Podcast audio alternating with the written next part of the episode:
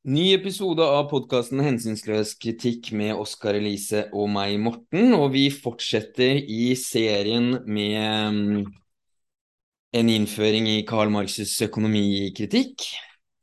Og i dag så skal vi snakke om eh, merverdien. Bare stopper der, jeg, så kan du begynne, Oskar. Ja. Ja, merverdi, altså Ja, det Og kapital og merverdi har vi kalt det kapitlet, da. Eh, sånn omtrent. Er det det vi har kalt det? Ja, jeg, jeg husker ikke hva jeg har kalt det, men, eh, men eh, det er noe Ja. Plussmakeriets ja. hemmelighet. Nei, det er en som ikke har fått skriveren sin til å fungere oppe i Nord-Norge, så han, han, husker ikke sine egne titler, dessverre. Men den foreløpige arbeidstittelen altså, for de som ikke har fått med seg de forrige episodene her, så driver vi altså da og har en podkastserie om et upublisert eh, hefte. Som het dette jeg sa innledningsvis, da en innføring i Karl Marx' økonomikritikk. Og um, ja, videre. Samme hva tittelen er, egentlig. Tittelen endrer seg òg, hvem vet. Men, ja, hvem vet. Det er tross alt ikke publisert ennå, si. men, uh, men, ja, ja. Så ok. Um, så vi har snakka om om hvorfor vi mener at uh, den økonomikritikken som Marx driver med, er viktig. Vi har snakka om, uh, om vare- uh, og pengeforhold, som på en måte er forutsetningen for de kapitalistiske forholdene, og som er det kapitalen består av. Kapitalen består av varer og penger, men er ikke varer og penger. Så går vi da videre til, til kapital, som er liksom det det mest sånn definerende, karakteristiske samfunnsforholdet i kapitalismen. Um, og begynner med å se på Altså det, dette med ja, hva kapital er, kan man si, da. For det er vel en uh, et uh, det, man, det, er, det, er, ikke noe man, man kan ta for gitt, og du kan, hva, hva skal man si, du kan nesten ikke undervurdere uh, offentligheten nok når det gjelder spørsmålet om hva kapital er, på en måte. Sånn, eh, kapital er eh, Er det penger? Er det alt, alt, som har en verdi? Er det penger? Er det Ikke sant? Alt eh, er jo alt som gir en rente i en eller annen abstrakt forstand, ikke sant?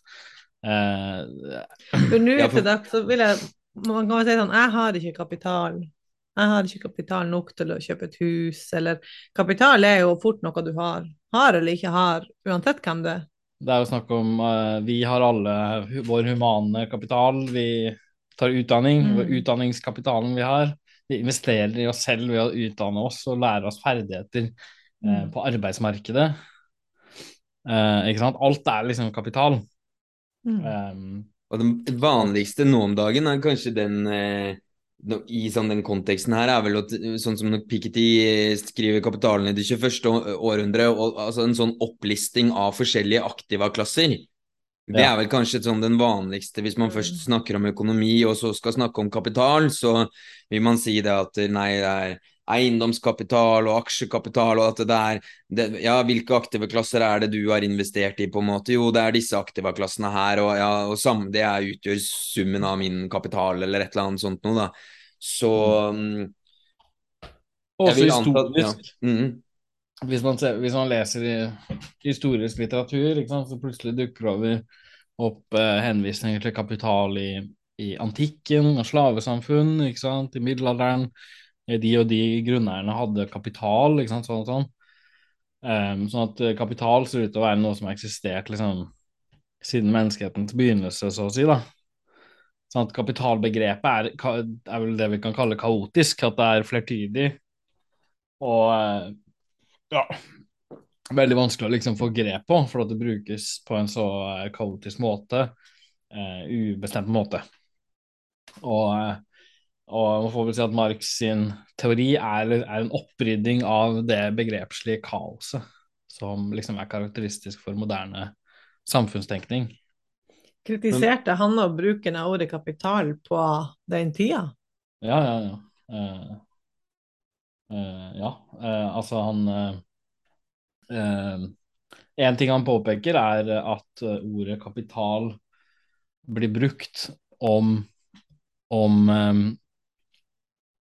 om så å si materielle ting, altså re, alle redskaper og maskiner og, og sånne oppsamla arbeid som brukes til å arbeide på nytt, det er jo kapital, kan man si. Hva mente du brukes til å arbeide på nytt? Ja, altså du, du lager en du, du, spisser en pinne for å jakte en hjort, liksom. Da har du jo eh, satt deg ned og oppsamla et arbeid ved å spisse den pinnen, sånn at det skal bli lettere å jakte seinere. Eh, og det kan si er jo sammenlignbart med det å lage en maskin, eh, bare i en, en, mer primitiv forstand. Sånn at liksom hvis, hvis det å oppsamle arbeid for å arbeide senere, hvis man mener at det er kapital, så begynner jo kapitalen eh, når huleboeren liksom kvesser mot hverandre og, og, og, og, ja, den type ting, da. Da begynner det liksom Så fort du får redskaper? Ja, så fort mennesket begynner å Og det gjør mennesket før mennesket blir menneske, ikke sant? Sånn at, eh, eller idet mennesket blir menneske, kanskje. Sånn at da er liksom kapitalforholdet like gammelt som menneskeslekten selv. Mm. Og, eh, så det er jo liksom et aspekt ved, ved, ved det kapitalbegrepet som jeg liksom plukker bort plukker i, er at, er at man har en tendens til å, til å betrakte kapitalen som en ting. Ikke sant? Kapitalen er bare oppsamla arbeid, og ikke eh, sånn eh, Ja, han har en uh, sånn um, Nå lener du deg litt langt fram igjen her. Ja, jeg må jo bla på PC-en her, for jeg har jo ikke klart å printe ut, men men, uh, men, ja. Nei, så han har et hefte, et foredrag han holdt for en sånn uh, arbeiderforsamling av 1865, hvor du liksom har en, iscenesetter en sånn diskusjon med, med økonomene. Og sier han, eh, så økonomene definerer kapital. De sier kapitalen består av råstoffer, arbeidsredskaper og eksistensmidler av alle slag, som blir brukt til å produsere nye råstoffer, nye arbeidsredskaper og nye eksistensmidler. Alle disse bestanddeler av kapitalen er skapt ved hjelp av arbeid, av arbeidsprodukter, opphopet arbeid. Så det er på en måte det vi har sagt, at eh, ok, etter den definisjonen her, som man mener er liksom økonomenes typiske definisjon, så er kapital all, all eh, ja, opphopa arbeid. Dermed så har det alltid eksistert, og det vil alltid måtte eksistere.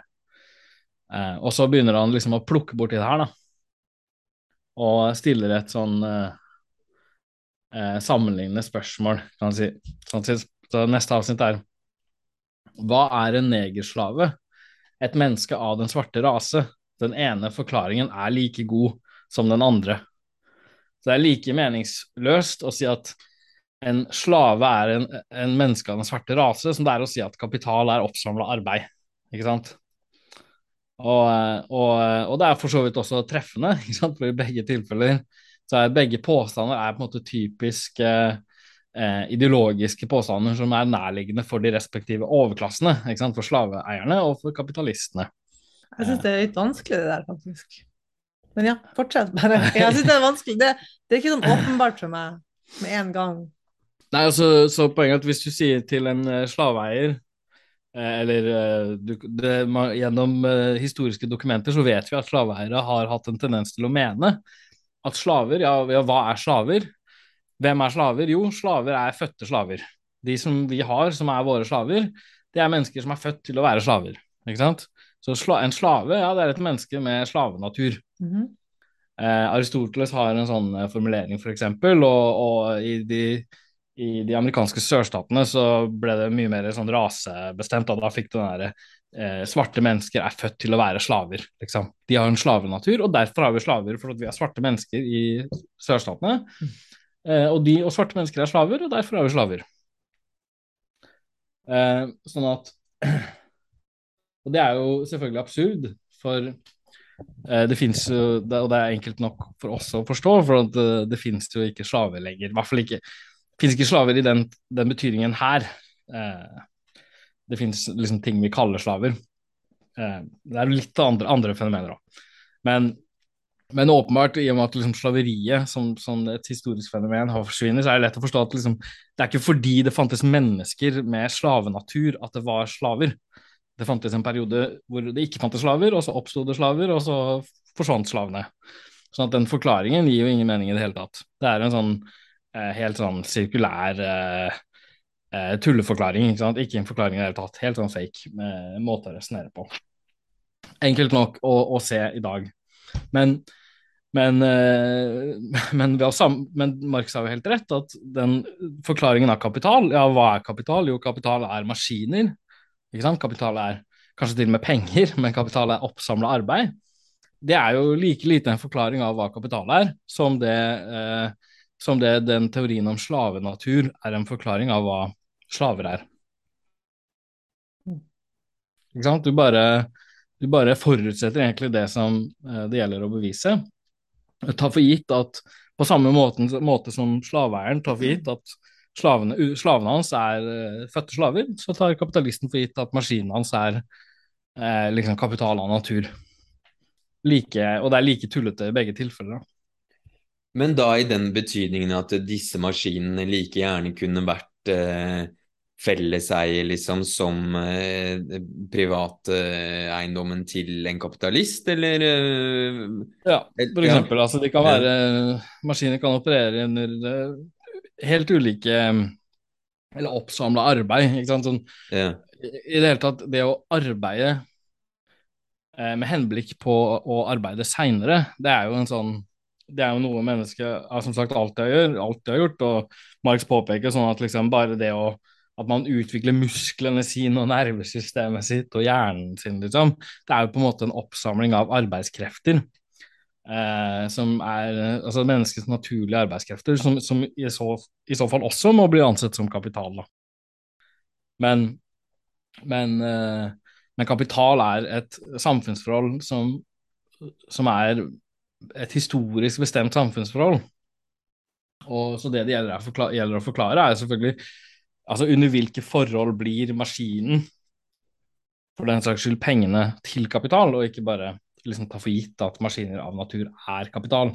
På akkurat, samme, på, samme, på akkurat samme måte så må man jo forklare hvordan et menneske, under hvilke historiske og samfunnsmessige forhold, blir et menneske til en slave, istedenfor å bare ta for gitt at en slave er en slave er en slave. Ja, ja. Men må du si noe mer om, om hva han mener er kapital nå, eller? Eh, eller er det fordi at Når du sier at i sånn innledningsvis når du sa at det ikke går an å undervurdere hvordan off, altså offentlighetens manglende syn eller forståelse av hva kapital er, så de fleste vil jo bare si det at ja, kapital ja, det er jo oppramsing av de tinga her. Um, ja. Så for at det for, at, for å få fram den um, sirkulære argumentasjonen der, så må det kontrasteres med noe, kanskje? Ja. Ja, jeg er litt for sånn, og det har jeg snakka med han Oskar og Max er jo veldig flink i kapitalen til å gjenta sine poeng veldig ofte. Han gjentar de ofte, sånn at du hele tida blir minnet på hva som er greia. Så jeg syns det bare er bra med gjentakelser, at man sier det flere ganger, gjør ingenting. For det er ikke sånn at uh, det er så lett at du bare trenger å gjøre det én gang. Det er greit. At, så jeg syns ikke det er dumt å bare ta en liten snik. Men hvis vi bare blar litt videre i det fine innføringsheftet Vi blar videre. Så eh, ok, eh, vi var inne på kapitalbegrepet. Marx kritiserer økonomene for å, for å oppfatte kapitalen fortrinnsvis som ting, og for å ignorere det faktum at kapitalen må være et samfunnsforhold. Akkurat som en slave ikke bare er et menneske som er en slave, men også han er, han er på en måte også de samfunnsforholdene som gjør han til en slave. Um, og det er liksom det Marx bruker begrepene eh, stofflig innhold og samfunnsmessig form for å fange de to, eller ting og samfunnsforhold i og for seg også, da. Um, så ble det stilt spørsmålet hva er da kapital, i motsetning til de dårlige kapitalforståelsene eh, vi har liksom alludert til. Og da kommer, um, kommer vi til uh, kapitalen, hvor Marx introduserer begrepet sitt om kapital ved å ved å stille opp det han kaller to sirkulasjonsformer. Altså, eh, altså så han sier ok, eh, det er ikke sånn at penger nødvendigvis er kapital, men, men, kapital er alltid i første omgang penger. Så det er jo på en måte i en eller annen forstand, på et eller annet punkt i sin eksistens i hvert fall, så er kapitalen penger. Kapitalen har nødvendigvis med penger å gjøre. Um, Og så går han nærmere og ser på ok, er det, hvordan er det pengene fungerer når det fungerer som kapital. Og da stiller han opp en sammenligning, i og for seg ganske kjent, da, men, men hvis vi sier at vi bruker pengene for å, uh, som et eh, Hva heter det? Et, eh, et kjøpemiddel, et, eh, en, som, et middel til å kjøpe en, en eller annen vare vi trenger. Sånn som de eh, fleste vil tenke på penger, liksom, at de har penger ja. og skal kjøpe noe med de pengene. Det fleste Ja, ikke sant, sånn den, den, Det forholdet vi vanligvis har til penger. Man går til butikken, har en pengesum, 100 kroner, kjøper seg en is, spiser isen, og, og det er det. ikke sant? Det er, det er liksom den prosessen som pengene, da pengene blitt brukt for å kjøpe en, en uh, nyttig ting, og så har man spist den nyttige tingen, og så er pengene borte. Og de ja. kommer aldri tilbake, ikke sant? I hvert fall 28 kroner av dem. Det, det tror jeg en is koster nå, hvis du skal ja. ha en magnum. Ja. Ikke sant? En god is, uh, en solid is. Ja. Så, og hvis du skal ha altså hvis du har, uh, du har bare hadde 28 kroner, så må du skaffe deg nye penger for å kjøpe en ny is neste gang. Ja. For å gjenta den prosessen. Så det er liksom eh, enkel varesirkulasjon, da, som Marx kaller det. Du begynner med og hvis, du, og hvis, vi da sier at ok, for, for, å skaffe deg de opprinnelige pengene, eller for å skaffe deg den Eh, den eh, du vil ha, så må du bytte en vare med den isen, og så kan du liksom få den isen. da. Ja, eh, og du må bytte først bytte en vare med den isen? Ja. Hvis, ja. Vi, ikke, hvis vi sier at det ikke finnes penger, da.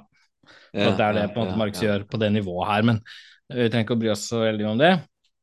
Men eller, eller, hvis vi sier at vi bytter, bytter til oss varer til penger, da. for å si det sånn, vi må ha en eller annen måte å skaffe oss penger på. Ja, for du vil ikke at... gå stegvis igjennom alle de formene her. Det er ikke ditt du vil nå?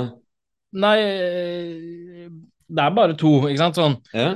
I hvert fall nå. Så, okay, ja. så der vi, vi, har i hvert fall begynt Vi begynner med en eller annen vare, og så bytter vi oss til oss penger, og så kjøper vi is, og så spiser vi opp den isen og bort med det. ikke sant? Da er vi ja. blakke. Ja. Ok. Så hvis vi ser for oss at den prosessen pågår eh, i et samfunnsmessig omfang, så er det i hvert fall mulig en annen, en, annen, en, en annen, rekkefølge er i hvert fall mulig. At du kan begynne med penger, kjøpe deg en vare, og så slutte med penger igjen. Eh, eh, kjøpe deg en vare, og så selge en vare, selvfølgelig. Og så sitter det igjen med penger igjen. Så, eh, sånn at, i, at, du ikke begynner med vare og slutter med vare, men at du begynner med penger og slutter med penger. Skjønner. Og det er liksom Ok, hvis pengene fungerer på den måten der, så fungerer de som kapital. Det er et veldig enkelt poeng, og samtidig så tar det liksom man, Ofte så tar det nesten flere år å skjønne det, det, poenget der, selv om det er veldig enkelt. At det står der liksom sånn svart på hvitt, og det er egentlig lett å Begynner jeg med en vare og selger den for å få penger, og så bare for å få en ny vare igjen, eller begynner jeg med penger og så kjøper en vare som jeg skal selge for å få mer penger enn jeg begynner Altså, det er jo egentlig et veldig simpelt poeng. Og at det ja. er først i den siste runde at det fungerer som kapital, men allikevel så tar det ofte litt tid før det synker helt inn hva det vil si. Men um, det kan hende at det bare er jeg som er treg. Nei, det, det, kan vi ganske sikker på at det ikke bare er du som er treg. Det, det, er, det, er, det er jo et utslag av falsk beskjedenhet, det der, men uh, ja. Jeg syns alltid det er fint med, hvis man klarer å eksemplifisere litt, men det kan vi kanskje ta litt underveis. Sånn, ja. ja altså, hvis, hvis vi holder oss til isen ja, ikke sant. Har, nå har du eh, kjøpt is, og så har du solgt den igjen. Og så har du fått penger igjen. Så du, mm -hmm. du mhm. begynner, nå begynte du med penger, så kjøpte du is, og så solgte du isen, og så sitter du tilbake med penger igjen. Mm. Det er liksom den prosessen vi er inne i nå. Ja. Penger som fungerer på den måten, de forvandler seg til kapital, blir kapital og er ifølge sin bestemmelse kapital, sier Marx da. Så det er liksom På den måten, når de fungerer sånn, så er pengene kapital. Ok. Så da har du liksom Pengene har to sirkulasjonsformer. De kan fungere som enkel, enkel varesirkulasjon for å skaffe deg ting du trenger, og så kan de fungere som kapital for å skaffe deg penger. Mm. Og, og, det man da legger merke til, er at hvis, hvis man liksom tenk, prøver å tenke på de da, to formene og stille dem opp mot hverandre, så er det jo en interessant forskjell. er jo for det første at, at her sånn, I det første eksempelet så forsvant jo pengene bort, og du måtte skaffe deg ny, finne en eller annen måte ny måte å skaffe deg penger på for å kunne gjenta Mens nå, når du begynner å slutte med penger, så reproduserer så får du en, en, liksom en syklus som fornyer seg selv ved hver avslutning. Så du begynner å slutte med penger, så du slutter med det du trenger for å begynne igjen. Så prosessen er liksom selvfornyende på en måte som ikke er tilfellet for det første eksempelet. Pengene flytter tilbake, du har egentlig bare forskuttert de. Du regner med å få de tilbake så lenge det går sånn som det skal. Og um, den eneste det eneste som vil gjøre, det meningsfullt, egentlig, å operere på den måten her, altså du har en, en eller annen pengesum, og så kjøper du deg en is, og så selger du den igjen. Det eneste som gjør, gjør, det meningsfullt å gjøre det, er jo at pengene du sitter igjen med på slutten, er, med, er større. Det er mer penger enn det du begynte med. Hvis ikke så ville det vært helt eh, bortkasta tid, ikke sant. Så det eneste som, det eneste som kan gi, det, gi noe innhold i det du har holdt på med, er jo den kvantitative forskjellen mellom de første og de siste pengene. Mens derimot i det første eksempelet, hvor du bruker du bytter, bytter skoene dine mot en is, så er det jo bare det at du er glad i is, som er innholdet. Ikke sant? Så det, innholdet er, det er et bestemt menneskelig behov som er liksom innholdet i situasjonen. Mens innholdet her er jo ingen, ingenting sånt. Det, du tilfredsstiller ikke noe behov. Det eneste er at pengene sirkulerer. Eh, og det eneste innholdet, det, den eneste meningen som, som, som det her kan ha for deg, er at pengene blir større. Det kan ikke finnes noen annen mening enn det, ikke sant. Så at da allerede bare ved å liksom reflektere over hva som kjennetegner pengene når de sirkulerer som kapital, når de fungerer som kapital, så finner man jo ut noe jeg vil si interessant da, ikke sant. For det første at, uh, at uh, som, når pengene dine opererer som kapital, så kommer de tilbake til deg hele tida. Liksom. Du bruker dem ikke opp, de forsvinner ikke. Så din posisjon som kapitalist som en person som investerer kapital, den er liksom selvfornyende. Opprettholder seg selv hele tida.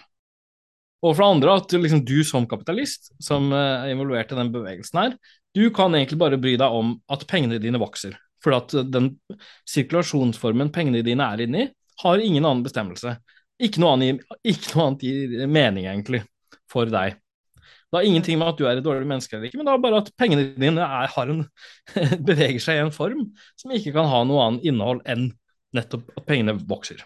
Det er ikke noe å si hvilket formål som får pengene til å vokse, eller motivasjonen bak det, det er bare at pengene skal bli større. Ikke sant? Hvis du, altså, om varen imellom er is eller sko eller ikke sant, fotballer eller hva som helst, det, det, det er jo tilfeldig. Det er bra eller dårlig for miljøet. Det er bare, ja, det er bare et gjennomgangspunkt for P og Eh, det kan, det, målet er, kan bare være at pengene vokser, og det kan ikke være noe annet. Ja. Sånn at uh, liksom det, det, er Så hvis man prøver å En ting prøver, prøver å gjøre den, når vi introduserer Marx, er jo liksom å, å trekke ut de politisk relevant, relevante lærdommene der det er litt åpenbart.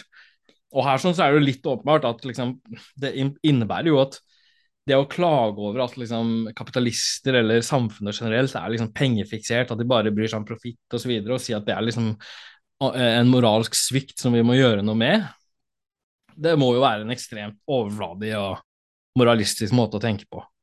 Mm. For at uh, altså, her har vi liksom en, en, form, en sirkulasjonsform, som er sånn at den ikke tillater noen andre hensyn.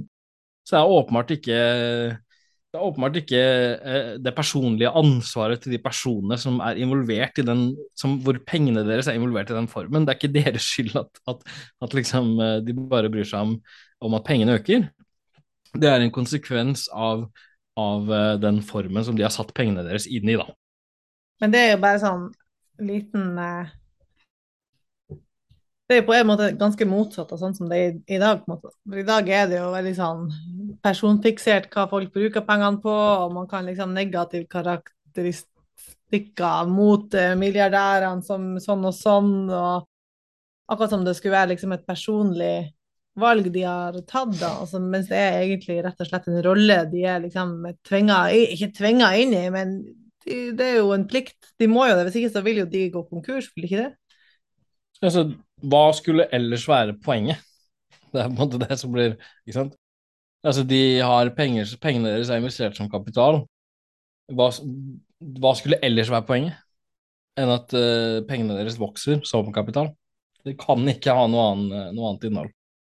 Det er jo bare så enkelt som det. Sånn at Sånn at uh, det, å, det å liksom sutre over at kapitalister bryr seg om at pengene vokser, det er, det er litt som å Jeg vet ikke. Samtidig så er det jo veldig mye diskusjon om det, da. Altså, jeg tror jo, jeg tror jo den motstand som man møter med det eh, Når man legger fram det her, er jo det at jeg tror faktisk veldig mange businessfolk egentlig tror at det fins et slags alternativ der, og bare ikke vil se på matta. At, de, at, du kan dytte inn masse greier i det, hvis du bare ser på hvor mye liksom, bedrifter bruker på å si hva er vårt formål, eller mission, eller mm. historien ja. om oss, eller ditt eller datt. At de skal liksom tute den isen eller den, det objektet som er imellom der, full av masse greier, og se bort ifra at de starter med penger og slutter med penger. Og sånn strengt tatt så er det jo også Altså, du kan jo si det at hvis du har en en god iskapitalist, da, så, så, kjøper han is for 28, eller det som trengs for å lage is for 28, og selger det for 35. Men så kan du jo ha en sånn kvasisosial islager som kjøper det som trengs for å lage is for 28, og selger det for 30. Men, men Det kan det, være. Hæ? Ja, det kan være, men det ville jo vært tilfeldig for hans status som kapitalist. Altså, ja, ja, ja. Uansett hva han tror eller ikke, så for pengene hans har bare ett mål. Mm. Ja, ja, og ikke bare det som, så Matta vil jo også gjøre jobben med denne sosiale isprodusenten når du lar det gå over tid. Der hvor den ene får en avkastning på jeg vet ikke hva jeg sa nå, la oss si at den ene fikk en avkastning på 20 og den andre får en avkastning på ja, nå har glemt hva jeg regna med, la oss si det var fem. Altså Når du lar, den, når du lar de, de, rundene her gå om og om og om igjen, så den ene vil jo bli en ubetydelig størrelse, vil på et eller annet tidspunkt ikke være i stand til å investere i det nye ismaskineriet, og til slutt ha meldt seg ut av produksjonen av is som sådan, mens den andre som har fulgt den logikken her fordi at han starter med penger og slutter med mest mulig penger etter prosessen, han vil være i stand til å investere i det nye ismaskineriet og henge med i den konkurransen som han har pressa inn i. Altså, så den matematikken tar på en måte tar seg av det med de sosiale hensynene og sjalter de ut. Så lenge de ikke på en måte mm. gjennom regelverk eller et eller annet er tvunget til å ikke gjøre det. Altså Walter Benjamin har et sitat som jeg liker jævlig godt, som han sier at en kriminell karriere er en karriere som alle andre. Men hvis man ser for seg at man tar bort iskrem og putter inn kokain der isteden, så har jo samfunnet lagt noen grenser på at ja, ok, eh, da løper jo tross alt en risiko som kapitalist, selv om du begynner med penger og varen er kokain og, og, du slutter med penger igjen, så da Der har du jo faktisk lagt en begrensning på det, da, at det, det er i hvert fall en høyere risiko å akkumulere på den måten. Ja. Ja, nei, så ja, i hvert fall så Det er liksom Marx sin innledende etablering av hva kapital er. Så er det veldig mye mer som ligger i det, som, som liksom det utvikler seg til. Men i første omgang er det en måte, en måte som penger fungerer på. Eh, nemlig ved at de vokser.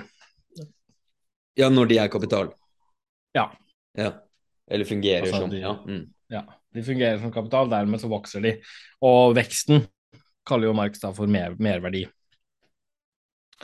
bruker vel til og med Definerer vel på engelsk til og med. Surplus value, kaller jeg det. Et eller annet sånt. Ja. ja, mer, merverdi, som vi da ja. eh, sier. Sånn at... Av og til så er det litt sånn hakk i internetten. Det har ikke skjedd så ofte ennå, men hvis jeg ber deg om å gjenta, så er det derfor. Foreløpig så ja. har det bare vært sånn for det første eller et eller annet, men eh, ja. Ja. ja. Um, så da da det jo eh, liksom Kan vi gå til neste etappe, kanskje?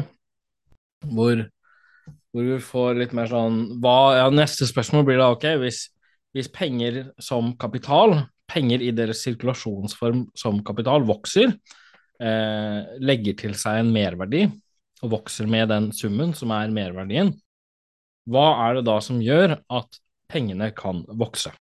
Mm. Hvordan kan pengene begynne som én sum og ende opp som en større sum? Eh, det blir liksom neste forskningsspørsmål. Og, og eh, også ganske Der, der finner man også ganske mye rare tanker, eh, vil man kanskje si, da. Og Der har du veldig gode eksempler, syns jeg, som jeg tror treffer, treffer rett på, altså. Den der om at, at den oppfatninga er at buy for a nickel, sell for a dime, eller, altså, eller, ja. eller om det blir mm. motsatt. Den derre standardgreia om at ja, men jeg er gode på å gjøre en god deal, som du skriver, med, med Trump osv., osv. At ja, Hvorfor går jeg i pluss, liksom? Hvorfor er jeg en god kapitalist? Jo, for jeg kjøper når det er billig, og selger når det er dyrt. Det er som mm. eh, ikke sant, aksjetradere òg vil si det at eh, Nei, jeg hadde is i magen. Jeg investerer når andre er fairful, og, og selger når andre er greedy, eller et eller annet sånt. De har jo sånne der, eh, ting som de ja. sier til deg selv, da, og som jeg tror egentlig er en standard standardoppfatning. Jeg hadde også en kompis som snakka om en gang om en eller annen som hadde bytta seg fra Jeg husker ikke hva det var han begynte med. Han begynte, om han begynte med en knapp og endte med en ku, eller et eller annet sånt. ja, ja, ja.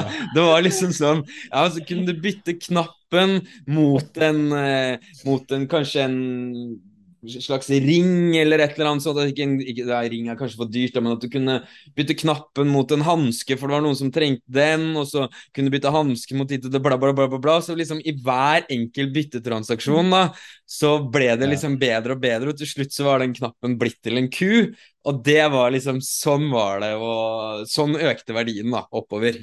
Ja, ja, ja. Du veit å høstle, liksom. Mm. Uh, og det, ja, det, er jo generelt uh, Altså Mark skal jo til angrep på det her, sånn, for det var, da også var det liksom Det, var måten man, det er jo måten man legitimerer profitten man tjener. At liksom en uh, smart uh, person som jeg, jeg skjønner hvordan ting jeg, jeg, gjør masse gode deals, liksom. Jeg kjøper billig, selger dyrt og, og, og er liksom hensynsløs i business affair. Sant? Jeg tar masse uh, Det er pekt på at Trump sin selvbiografi var liksom the art of the deal. Var, og det var jo hele kulten rundt han som han prøvde å bygge opp, var jo det nettopp det. ikke sant? Så han er en fyr som gjør og avtaler og veit å gjøre gode deals, og så dermed så har han vokst profiten sin eh, sånn og sånn. Og eh, Så hvis vi sier at det er en sånn konvensjonell måte å forklare hvordan P vokser til eh, en større P, pengene blir mer penger, så er det ganske lett for Marx å liksom sable den teorien i stykker. For for hvis vi sier at uh, en person, uh, la oss si Odd, begynner, eier en, et parti med varer for en verdi av 10 000 kroner, og Odd prøver å finne en måte å øke pengene sine på, han er en slu og rå uh, forretningsmann. Han henvender seg til Ole og får solgt av disse varene, som bare er verdt 10 000, til en verdi av 12 000 kroner. Så Odd har gjort en skikkelig god deal. Eh, han var slu, og han har tjent liksom 2000 ekstra penger på den transaksjonen som han gjorde med den dumsnille entreprenør Ole. Uh, og Odd vil jo selvfølgelig i sin selvbiografi erklære at ja, her er liksom kilden til Det her er måten man, man, man, tjener penger på, folkens. Du må bare finne sånne idioter som Ole, som kjøper varer som bare er verdt 10 000 til 12 000. Men, men, men, hvis man liksom ser på det, så har du åpenbart ikke forklart noen ting. Du har ikke forklart hvordan pengene vokser.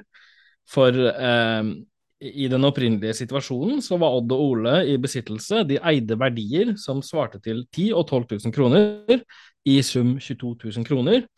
Og etter at eh, transaksjonen er gjort, og, og han, eh, Odd har gjort den eh, rå dealen sin, så, så sitter begge to på verdier som svarer til 22 000 kroner.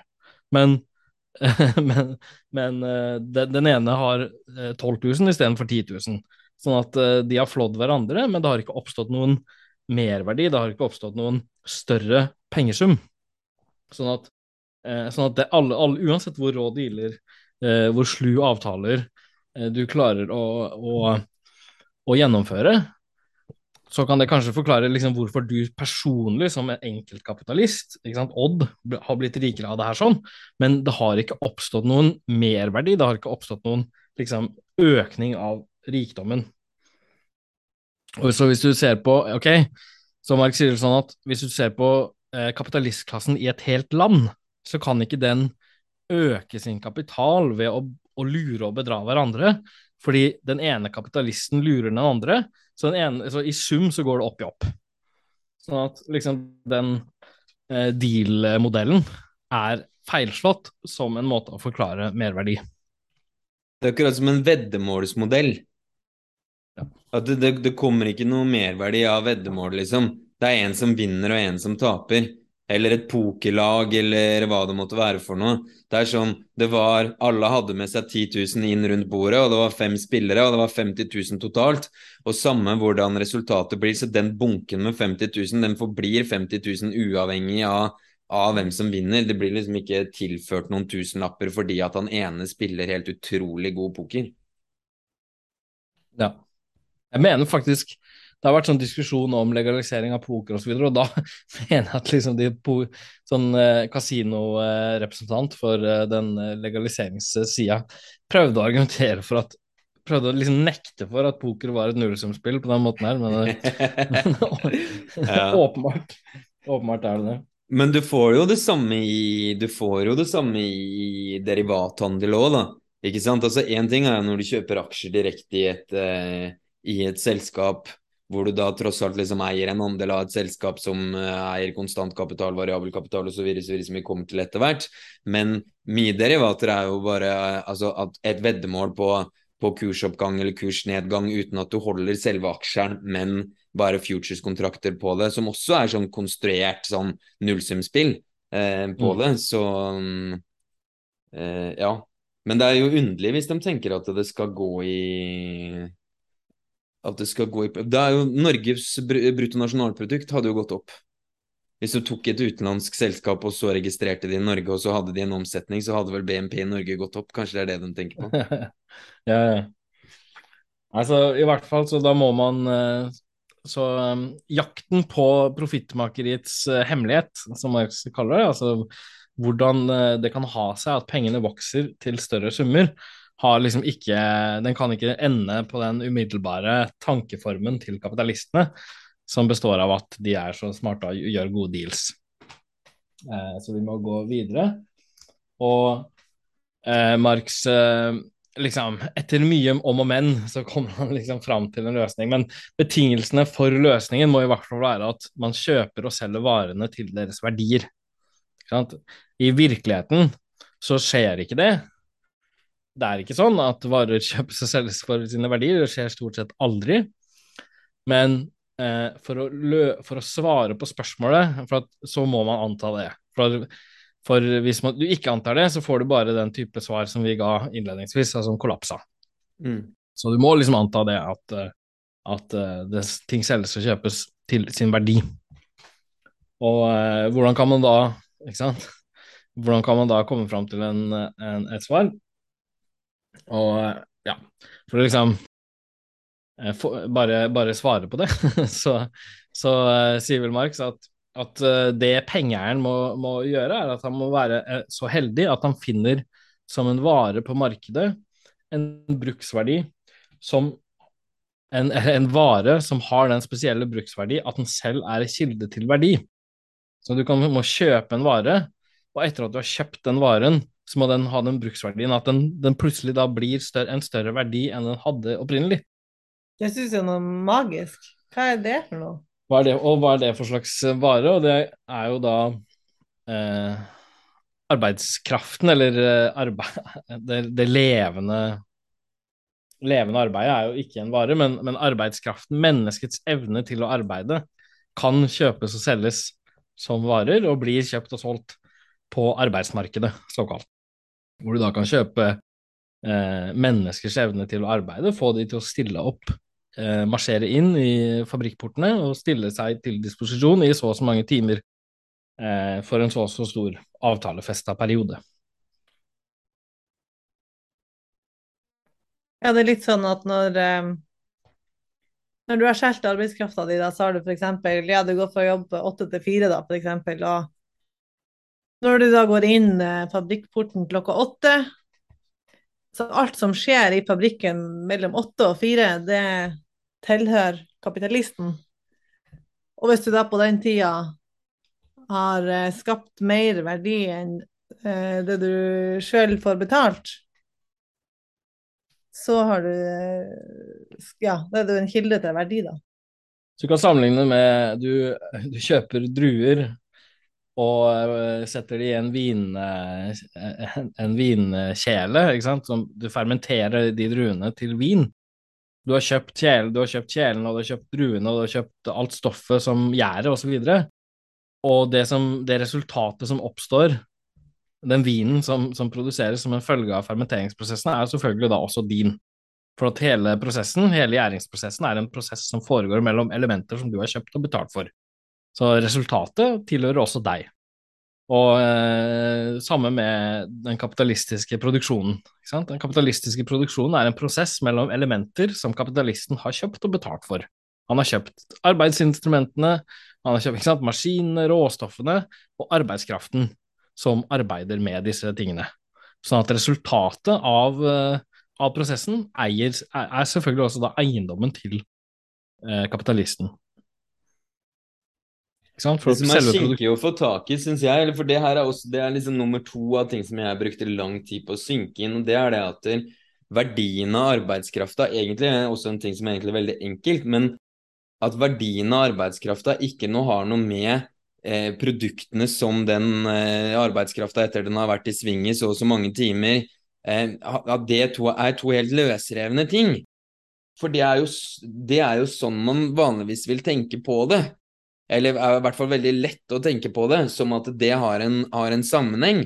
Men det at verdien av arbeidskrafta det er noe du bare skal sette på siden, det er sånn lenge før du går inn i fabrikken eller noe som helst, så er det fortsatt er det fortsatt mulig å snakke om at okay, hva det koster, og, eller, eller, hva som må til, hvilke livsmidler som må til for å reprodusere arbeidskraft til dagen etterpå?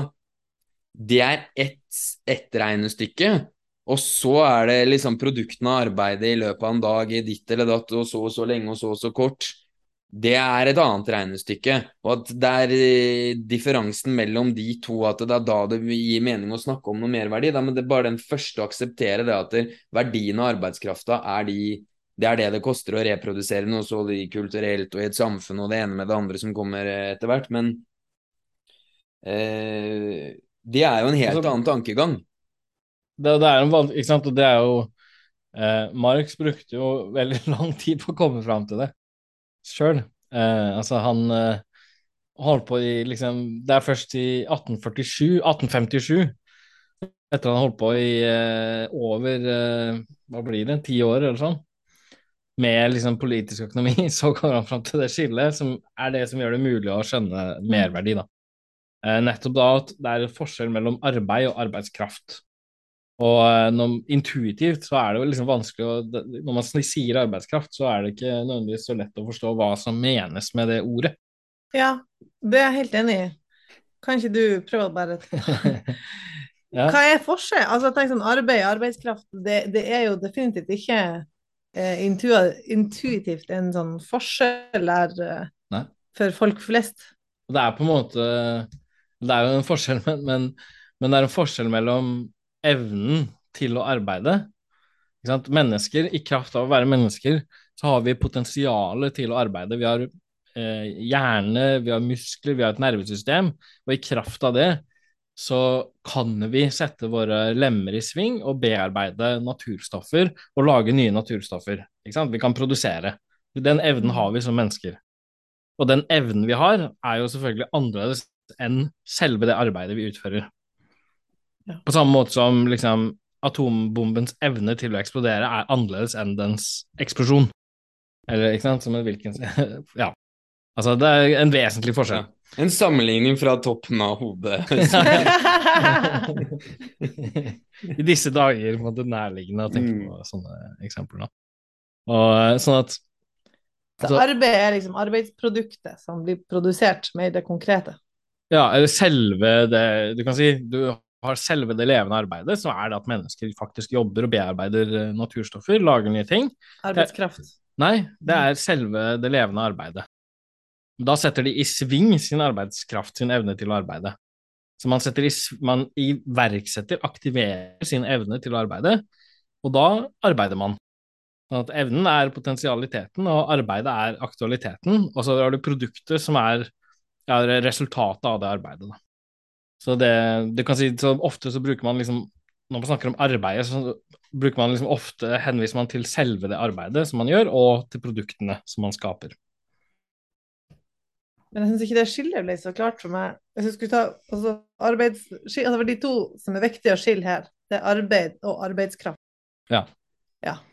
Og arbeid, det er Det er eh, det at du uh, setter i sving dine muskler og nerver og hjerneceller, mm. og utfører en oppgave på ja. en bedrift. Og arbeidskraft er Det er, din, det er dine uh, nerver og muskler og hjerneceller som gjør deg i stand til å arbeide. Ja. Og hva er det man ikke får betalt for? Du får ikke betalt for arbeidet ditt. Nei. Du får betalt for eh, Din evne til å arbeide. OK. Nettopp. Sånn at uh, Ikke sant? Så du, du, din evne til å arbeide er verdt en sum som er annerledes enn ditt faktiske arbeid. Mm. Og forskjellen mellom de to summene er hele orgasmenøkkelen, da, på en måte. Altså, det er, det, er, det er, det kapitalisten hadde for øye, øye da han kjøpte arbeidskraft, da, for å si det med Marx. Den er i stand til å produsere noe som er verdt mer enn seg sjøl.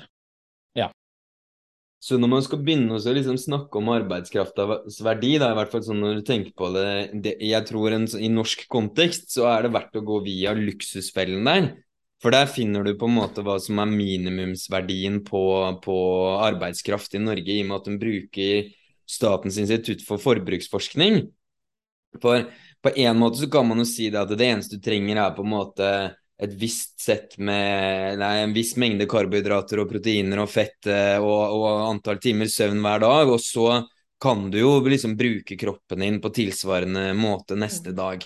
Men sånn som jeg tenker på det, er at ja, du kan jo selvfølgelig klare deg uten de der jeg vet ikke hvor mye de har satt deg, la oss si 532 kroner til hygieneartikler da, fra SIFO i måneden. Du kan jo klare deg uten de 532 kronene som skal gå til deodorant og sjampo og hårklipp og hva nå enn er for noe. Men for å fungere som menneske i Norge i 2022, så vil du ikke kunne klare deg hvis du ikke får vaska deg og du liksom lukter hele tiden og ditt og datt, så vil du, du vil bli et udyr, ikke sant? Du vil ikke fungere som et menneske i samfunnet. Og det samme det de har satt av til liksom eh, eh, telefoni og lek, eller altså Jeg vet ikke hva det er for noe. Sånn, hvis du ikke kan gå ut og ha noe sosial kontakt som koster penger i det hele tatt, så vil du også på et eller annet vis slutte å mm. fungere som menneske i samfunnet i Norge anno 2022. Så de tinga som SIFO setter opp i det budsjettet der, er på en måte egentlig det du trenger av livsmidler for å kunne reprodusere deg på et absolutt minimum i dagens Norge. Det er, liksom, det er det som trengs for å reprodusere arbeidskraften. Det er arbeidskraftens minimumsverdi. Skal du ha et mm. anstendig liv med litt overskudd og vitalitet, liksom, så er det det kulturelle nivået krever noe mer enn det. Det krever f.eks. en og annen ferie, eller at du kan gi liksom eh, en slektning en fin gave hvis de gifter seg, eller altså et eller annet sånt noe i tillegg. Og det har ikke SIFO noe rom for i det hele tatt. ikke sant? Her er det bare snakk om eh, Men, men jeg syns det er det at det, da det på et eller annet tidspunkt ble klart for meg at det er, det er, det som vi må se på. Hvor mye koster det å reprodusere, eller hva, hvilke livsmidler må man ha for å reprodusere arbeidskraften. og Det er helt, helt liksom separat fra den faktiske jobben som blir gjort, eller hva man jobber som, eller ditt eller datt. Men hva mm. er det det trengs for å holde et menneske i gang i løpet av et år? Så begynner jeg å tenke at luksusfellen har funnet det. Der kutter de til beinet eh, på alle mulige ting, men de kutter ikke under SIFO, for da mener de at det her er ikke et liv som blir reprodusert. Ja. Ja. Mm. Ja. Og det er jo det som er det interessante, da, for da betyr det at det lønna du får, som du kan ofte tenke liksom sånn det du fortjener, eller eh, at du tenker at det er en sånn eh, betaling for arbeidet du gjør, det er egentlig bare penger som skal brukes for at du skal reprodusere deg sjøl og familien din. Og få barn og oppfostre barn som kan bli arbeidstakere og sånn. Og det syns jeg er artig, for han, Marx har jo i Kapitalen, den går jo gjennom tida i, i England på 18, midten av 1800-tallet, når uh, arbeidsdagene var kjempelange, og uh, ungene og jobba med kjemikaliske stoffer som gjorde at folk ble syke. Og plutselig så, så, så raster jo levealderen. Folk ble jo ikke gamle i det hele tatt. Arbeidsstokken holdt på å dø ut. De hadde ikke gode livsforhold i det hele tatt. Og var, de var ikke i stand til å reprodusere seg sjøl, og det ble jo krise. For da har du ingen som kan jobbe lenger. Og da måtte du få kortere arbeidstid, du måtte få eh, eh Nå kom det her selvfølgelig ikke uten kamp, da, men eh, du måtte få uh, mer anstendige arbeidsforhold, og du måtte, kunne ikke ha ungene og gravide, ikke minst i sånne kjemikalske fabrikker der fostrene eller barna ble ødelagt. Og, så det er litt interessant, egentlig, det at, at um, ja, han, han, gikk gjennom det såpass nøye da, og så hva som skjer når du ikke får nok penger og tid til å reprodusere deg sjøl. Mm. Da forvitrer hele grunnlaget for det kapitalistiske samfunnet. Det, han kommer jo på en måte fra at samfunnet må sette ned allmenne regler for at kapitalens makt blir så stor at samfunnet sånn at den kan tvinge arbeiderne til å jobbe hele, liksom alle døgnets våkne timer. Eh, til å arbeide og, og, til å ikke engang ha matpauser, men liksom å stappe i seg mat som, på samme måte som en maskin som man kjører olje liksom, mens den fortsatt går. Eh, veldig sånn. Og, og liksom det, den, de forholda. Det blir så brutale at liksom pga. den maktposisjonen som kapitalen får, at den truer med å underminere hele sitt eksistensgrunnlag ved å, ved å destruere selve arbeidskraften. Altså Den truer med å ødelegge underklassen sin sånn at den faktisk en, eh, eh, har arbeidere å rekruttere. Truer med å, Nå ble den en stopp der. Truer med å med, med å eh, ødelegge arbeiderklassen, sånn at den ikke har arbeidskraft til å kjøpe lenger. Og Han bruker eksempler fra slaveriet i i eh, sørstaten osv., hvor liksom den prosessen, den destruktive prosessen jo kan pågå fordi at du importerer slaver fra Afrika. Sånn at du får liksom Du reduserer slave, livstida til disse slavene til ti år eller noe, for da får du pressa ekstra mye verdi ut av dem. Og så kan du pumper du inn liksom eh, nye slaver fra Afrika, så får du en sånn et liksom økonomisk eh, holocaust som, som tar livet av enorme mennesker, da. Liksom, du, Sånn at, men, men liksom på et eller annet punkt så kommer jo det her til å kollapse. Sånn at uh, av hensyn til uh, Selvfølgelig skjer det gjennom trusler fra arbeiderklassen, men, men, det eneste som kan redde kapitalismen selv, er jo at du får grenser mot sant, allmenne, lovbestemte grenser som, mm. som, begrenser kapitalens makt, faktisk. Det er liksom det som redder selve kapitalen. Uh, og det er liksom det er et veldig viktig poeng sånn fordi det er så mange sånne eh, sosialdemokratiske spissborgere som, som mener at liksom alle grenser mot kapitalens makt betyr at nå har vi oppheva kapitalismen og halvveis kommet over i sosialismen. Og, at, eh, og dessuten da mener at ah, Marx hadde ikke noe begrep om at kapitalens makt kunne begrenses osv., så videre, sånn som vi har i vår velferdsstat osv. Men det er jo på en måte helt feil. altså Hele poenget er at kapitalen må begrenses, hvis ikke så destruerer den seg sjøl. Mm. Eh, men det ble noe litt, litt et sidespor, da. Ja, men det er bra poeng, det. Det er bra poeng, det. Um... Men i hvert fall hovedsaken blir her da at, at, det man får betalt for, er ikke arbeidet man gjør, men det er ens evner til å arbeide. Sånn at du får betalt for å holde deg i live som en person som er i stand til å arbeide neste år, mm. på en måte. Reprodusere dine muskler og nerver og hjerneceller ved hjelp av å konsumere mat. Og også andre ting, da. Modif historiske modifiseringer av det, kan du si. Um, og så kan man si så, så, akkurat hva som bestemmer arbeidskraftens verdi, er liksom et, et spørsmål som, som, man kan si er man, jeg, kanskje, kanskje, burde diskutere seinere, for det er veldig mye, mye eh, interessant der, da.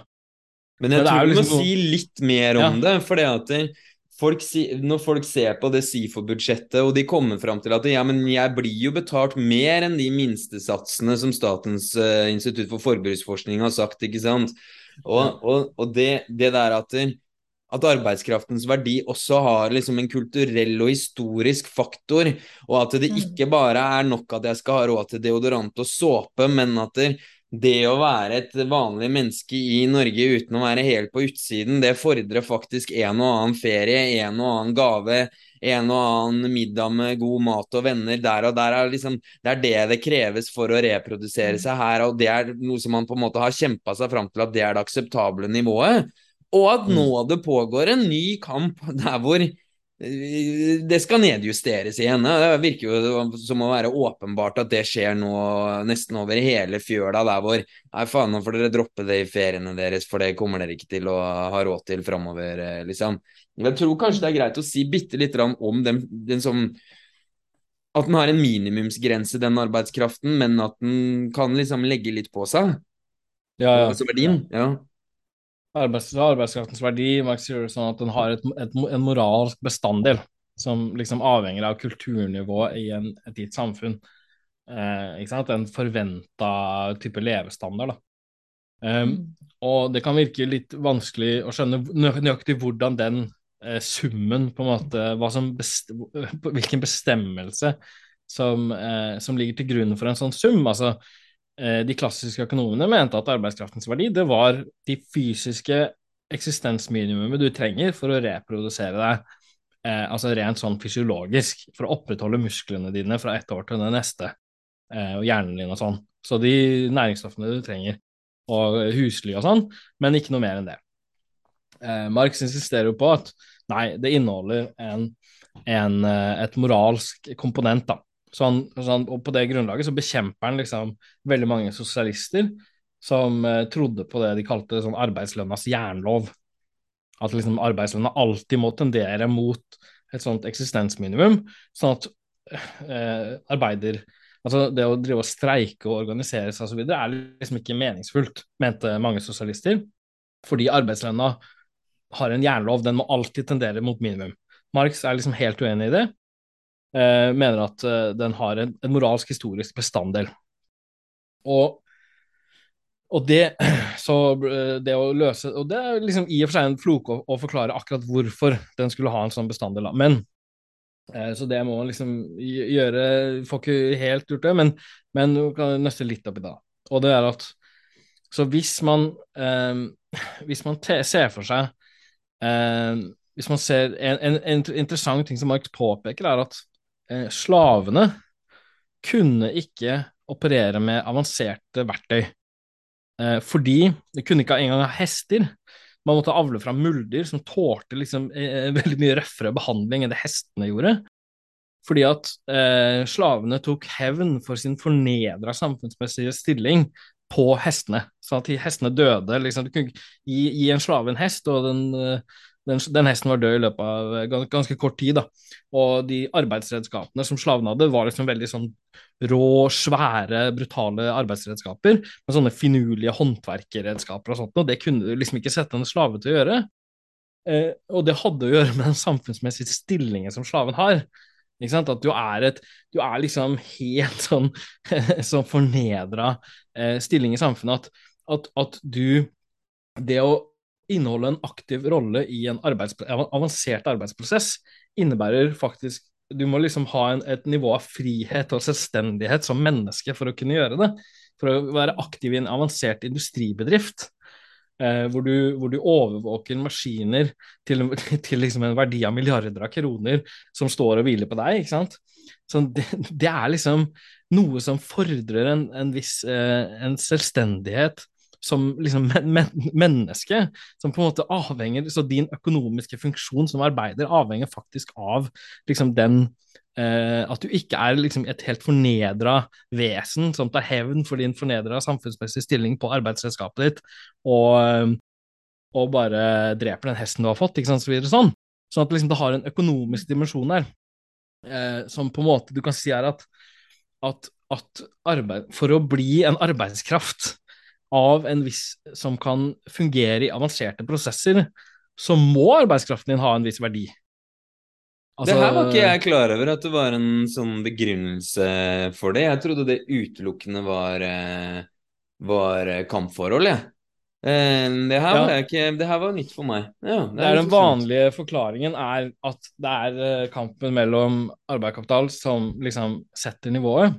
Ja. Men, det, jeg, men, jeg mener at der er det et problem. For det, aldri, det vil jo være å si at liksom lønna bestemmes av tilbud og etterspørsel, som er helt i, strid med, i strid med Marx sin måte å, å, teoretisere verdi på, da.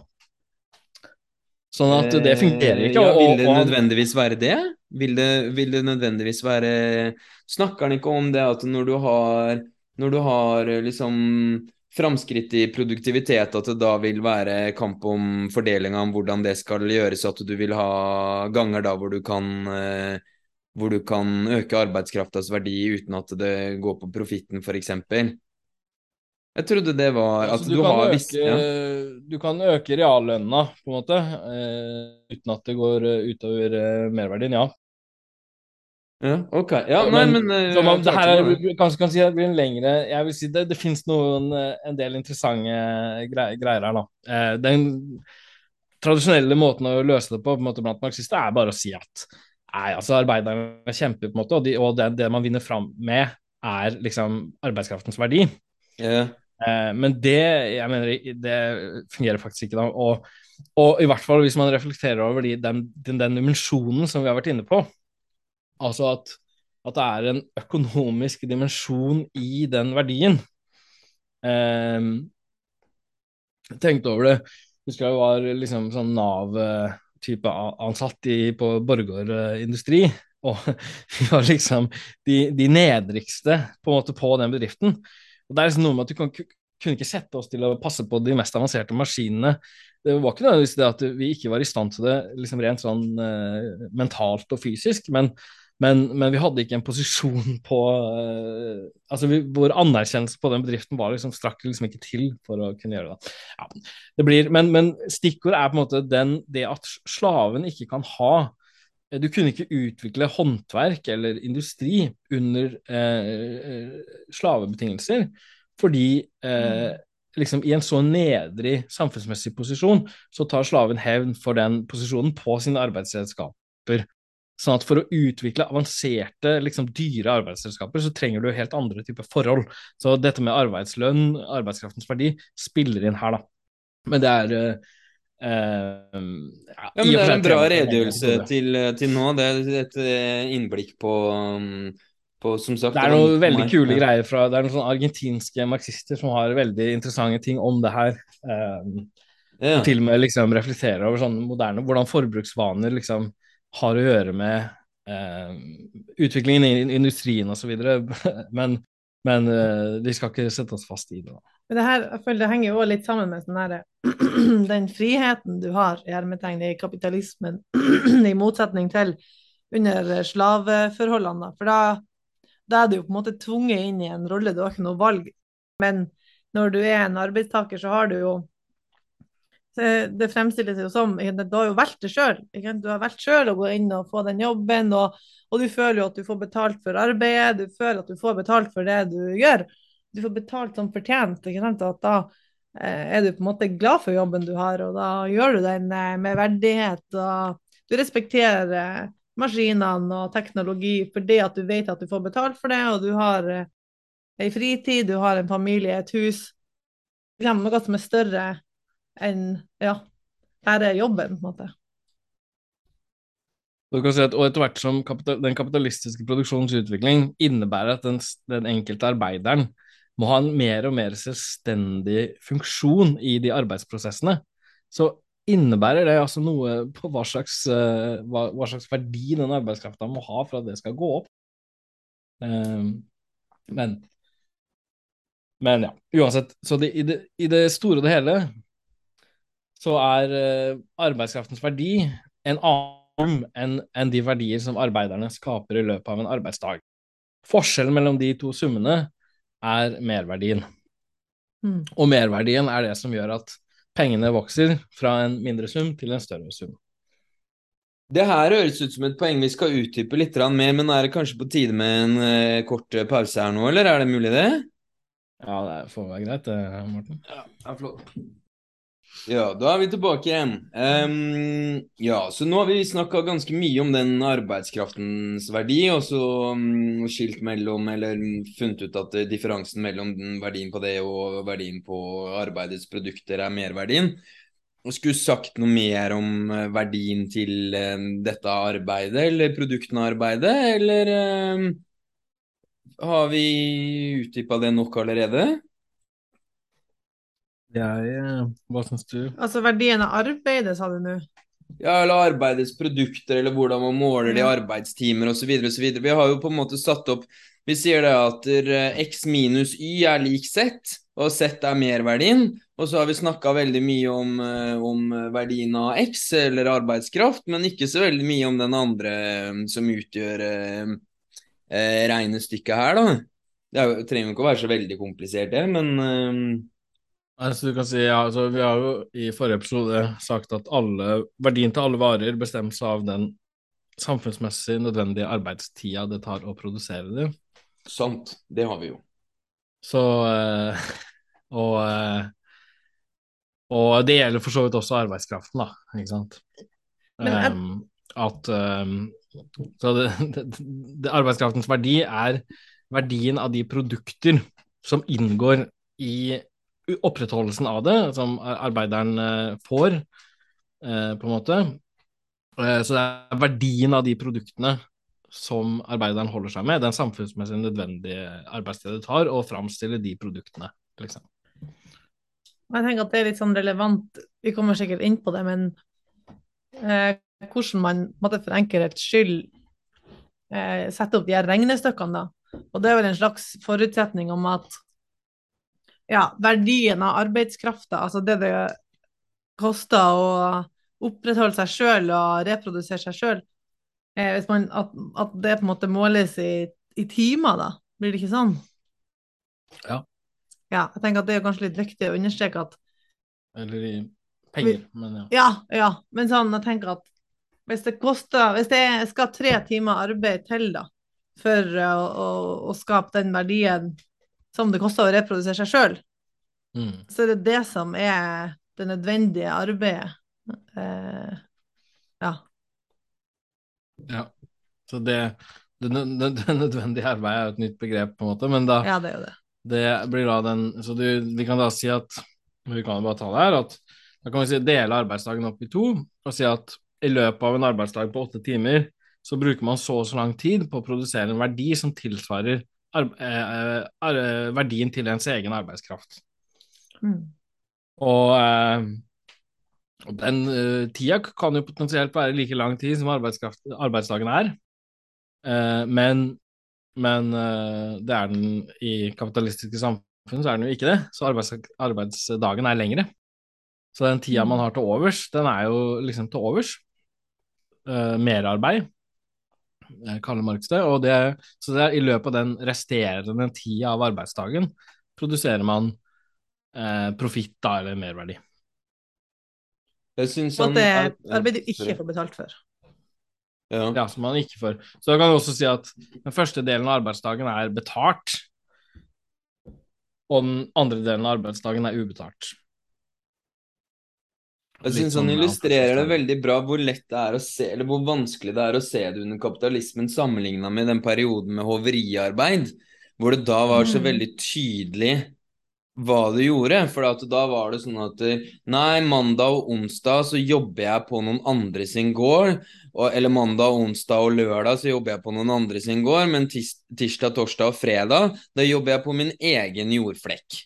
Og det mm. som jeg jobber på min egen jordflekk, der produserer jeg poteter til meg selv, og jeg holder på med noen høner, og jeg styrer og ordner, og så selger jeg noen egg, og så får jeg inn noen tøystykker og noe såpe, liksom.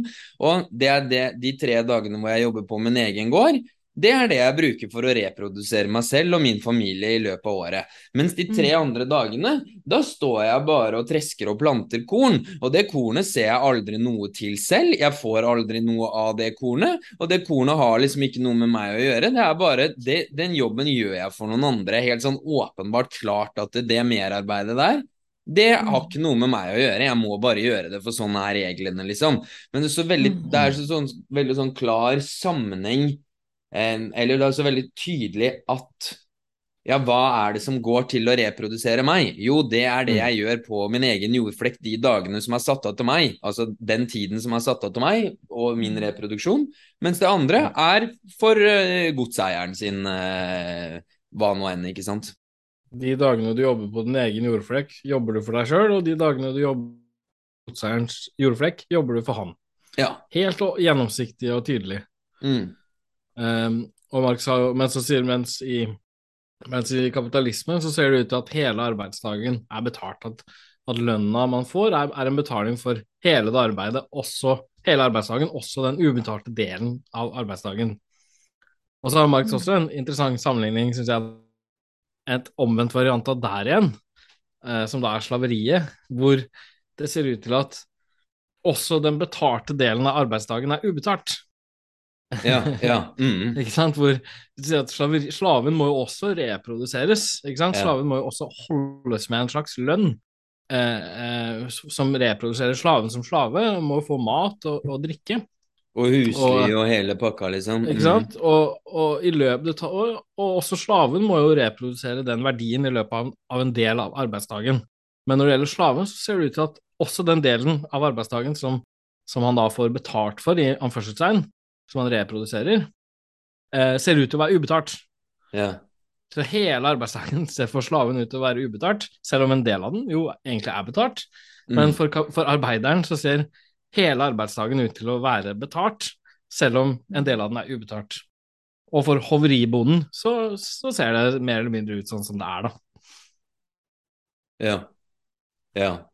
Nei, men det er, med sånne eksempler som det der, så da virker det jo ganske klart at her har man funnet en vare på markedet som er kilde til verdi, liksom, og det er mm. arbeidskraft. At det er, eh, det er, sånn, det er sånn det er mulig å gå i pluss. Det er ikke mm. gode dealer, men at man finner noe som man kan, eh, kan få mer ut av, rett og slett, som er kilde til verdi. Mm. Så da Så det man kan si det her viser, er at Ok, da har Marx klart å finne en forklaring av merverdi eh, som er i tråd med det varebyttets lover, som man kaller det. Altså ting kjøpes og selges for sin verdi, og likevel så kan vi forklare hvorfor merverdi oppstår. Og hvis man da sier at ok, merverdi er det samme som utbytting, eh, ikke sant? den tilegnelsen av merverdien ved kapitalistene er utbyttingen av det ubesarte arbeidet til arbeiderne, så får man jo også at utbyttingen av arbeiderklassen er helt i tråd med varebyttets lover. Utbyttingen av arbeiderklassen er helt i tråd med bytte av like verdier. Og det er jo Men også Marx er eh, faktisk en viktig, en politisk viktig konklusjon. Fordi det, det har gått en lang diskusjon i sosialistbevegelsen og arbeiderbevegelsen om nettopp nettopp det forholdet, da, hvor mange har ønska å hvor, hvor, liksom Den kritikken av, eh, av eh, lønnsarbeidet for å være urettferdig, ikke sant, er eh, sånn sett et, et bakteppe. Mm. Og, eh, hvor, og, hvor, man ønsker å eh, den, Du har liksom en sosialistisk drøm om et samfunn hvor arbeiderne får den fulle verdien av sitt arbeid. Hvor da verdiloven ikke blir brutt av utbyttingen, men den blir liksom opprettholdt hvor man da uh, får rettferdighet. ikke sant? Arbeiderne får, de, de, får, det de har skapt, det de fortjener. Og det, liksom, det man kan si Marx sin, sitt resonnement viser, er at det her er en, en um, misforståelse. Fordi eh, merverdien, det at uh, arbeiderne utbyttes, er ikke i strid med varebyttets lover det er ikke i strid med den rettferdigheten som fins i varebytte, at like verdier byttes med like verdier. Så ja, Friedrich Engels har et sånt sitat. Så da å ønske å avskaffe den kapitalistiske produksjonsmåten ved å restaurere den sanne verdien, er som å ville avskaffe katolisismen ved å restaurere den sanne pave. Det tilsvarer ønsket om å skape et samfunn hvor produsenten endelig skal beherske sitt produkt ved å konsekvent hevde en kategori som er det mest omfattende uttrykk for produsentens underkastelse under sitt produkt. Kort sagt eh, selvmotsigende. Så merverdien er en utvikling av verdien, ikke en motsetning til den. Ja, nå er du veldig avansert i, i språket her så sent på, på kvelden, men eh, men ok, dette med fulle verdien altså Vi ønsker Men alle har jo hørt det, på en måte, i, hvis man har vært litt på studiesirkler og i godt lag. Vi har, jeg har lyst på den fulle verdien av mitt arbeid, og ikke at en kapitalist skal stjele den verdien. Ja. Og hvis man, en sosialist som sier det, ønsker jo da å opprettholde liksom, verdisystemet, men kvitte seg med merverdisystemet. Ja, sånn, ja. Mm, akkurat, ja. Akkurat, ja. Men, eh, men, men spørsmålet er hvordan man kan komme Ja, ja. Men det er jo ikke det. Altså, Marx har jo nettopp vist at det er ikke noen motsetning. altså i hvert fall ikke i, i form, da, men uh, du kan forklare profitten helt på grunnlag av bytte av like verdier. Ja. Sånn at mm. verdien, altså Det han er ute etter, er liksom at verdien er jo en del av problemet her. Ja, uh, det er ikke en del av løsninga. Men hva er innvendinga mot den posisjonen da? At, er det at den hevder at det fins en inkonsistens som ikke fins? Eller er det det at de, de, mener seg å være radikale, men er det egentlig ikke fordi at de fortsatt blir værende innafor uh, verdisystemet, eller er det begge deler, eller uh, ja. ja. Det er noe sånt, altså. Eh, Mark sier et sted at du kan bare realisere kravet under forhold hvor det ikke gir mening å framsette kravet. ja, ja, ja. ja, ja, ja. Å, det er liksom Det er tyskt, ass. Ja, men ja, uh... ja. Men det, jeg liker det veldig godt, da, for at, mm. uh, det er nettopp det. Og det er så mye sånn uh, altså sånn sosialistiske tank tankefeilslutninger som er akkurat av den typen der, da. Hvor du fremsetter krav uh, som bare kan realiseres under forhold hvor de ikke er meningsfulle. Og, og, nettopp det at arbeiderne endelig skal få den fulle verdien av sitt arbeid, det er på en måte, det forutsetter en, en organisering av produksjonen eh, hvor, hvor, belønningen ikke er verdi lenger. Eh, for at du skal kunne, kunne realisere det. Men når, når, det, når, det, vilkåret er på plass, så gir det ikke noe mening å fremsette det kravet lenger. Er det poenget òg at eh, merverdien eh, det, det handler om en, en, utbytting av arbeiderne, og at du er i et sosialistisk samfunn ikke ute etter en sånn utbytting, du vil heller ha en annen organisert eh, vareproduksjon av si, eh, det du trenger å, i livet, da, på en måte. Ikke merverdi. Ja, og heller ikke verdi, ble på en måte poenget. da, at Så Marx oppfatter eh, merverdien som en utvikling av verdien. Sånn at eh, når arbeidsproduktet tar verdiform, så må det utvikle seg til merverdi. Det må utvikle seg lønnsarbeid, det må utvikle seg utbytting. Uh, sånn at uh, det å ville realisere liksom, den like fordeling av verdi er, ja, det er som å ville kvitte seg med paven ved å gjenopprette den sanne pave, da, som Engel sier. Meningsløst. Ja, veldig, veldig finurlig det der. Ja, jeg tror ikke jeg har tenkt å bore noe mer inn, men, uh, men jeg, tror jeg, jeg, tror jeg, kommer til å skjønne det når jeg hører det gjennom på nytt. Jeg, jeg har liksom en sånn uh, følelse at det her, ble, det her ble bra. Ok, hvor vil du nå?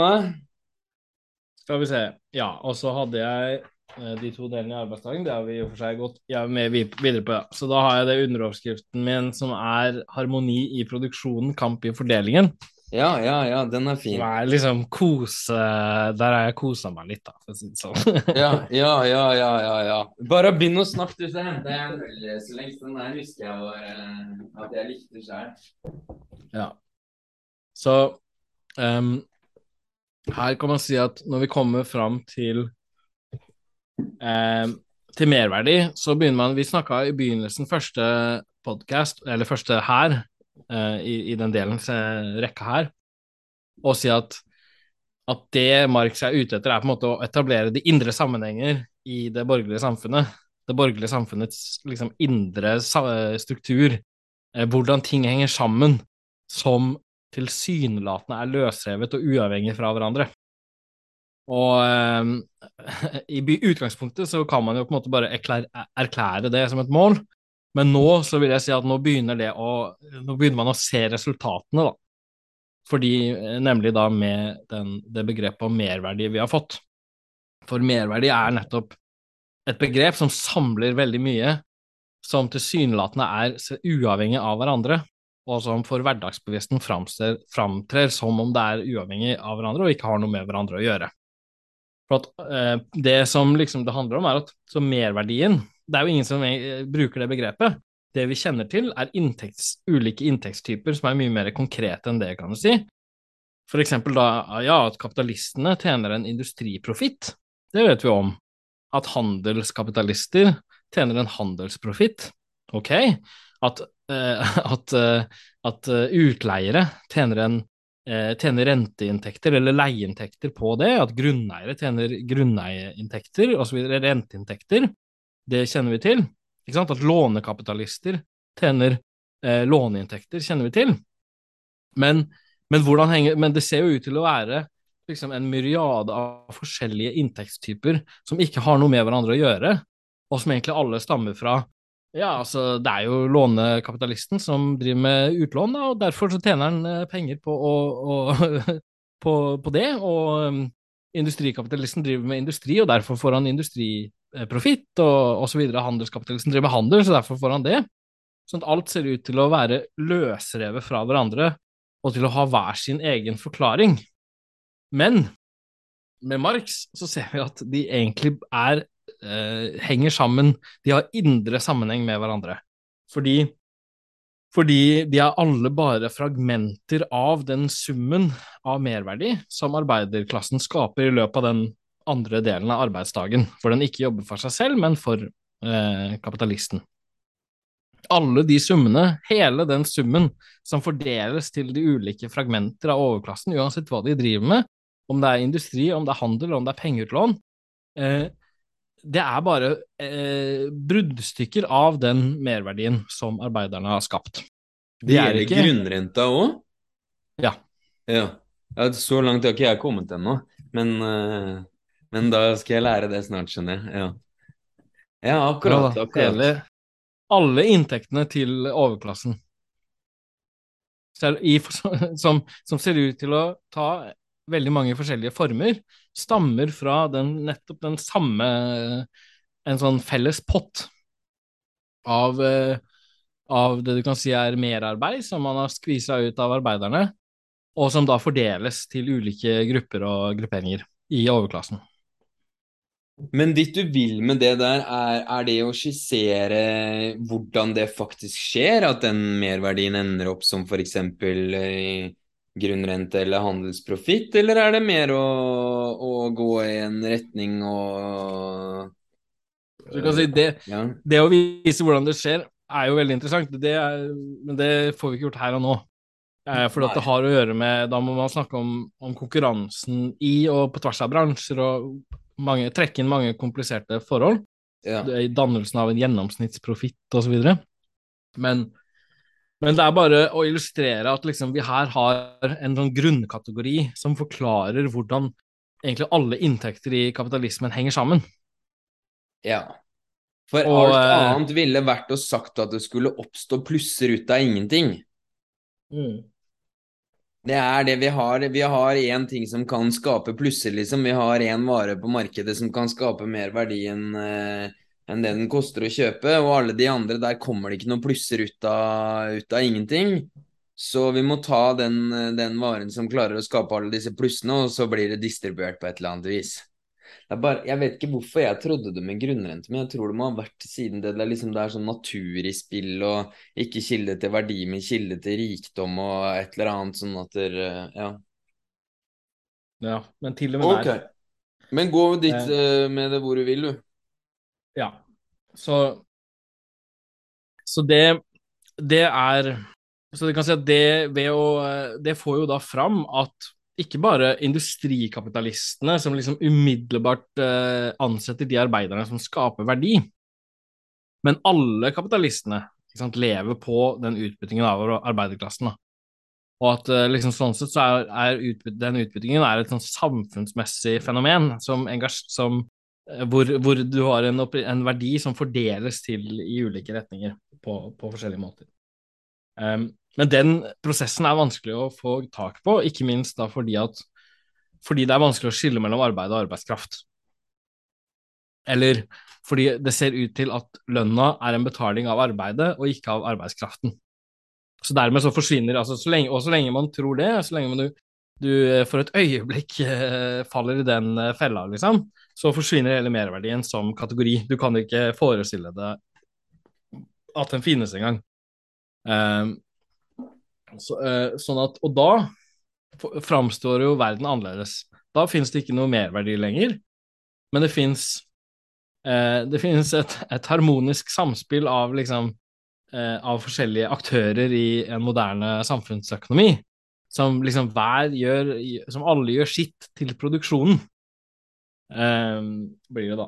Og altså ja, arbeideren får selvfølgelig lønn for å ha jobba, men industrikapitalisten får jo lønn fordi han har vært uh, flink til å ikke spise opp alle pengene sine, men investere de, og dessuten så driver han med oppholds, uh, med oppsynsarbeid og, og grunneieren Ta risiko, kanskje? Ja, ta risiko, selvfølgelig. Ja. Alle mulige forskjellige Grunneieren jo Han er jo grunn, og grunnen er viktig, så han får, uh, får litt for det. Og, og, handelskapitalisten driver og selger, og det er jo viktig, så han får en handelsprofitt for det.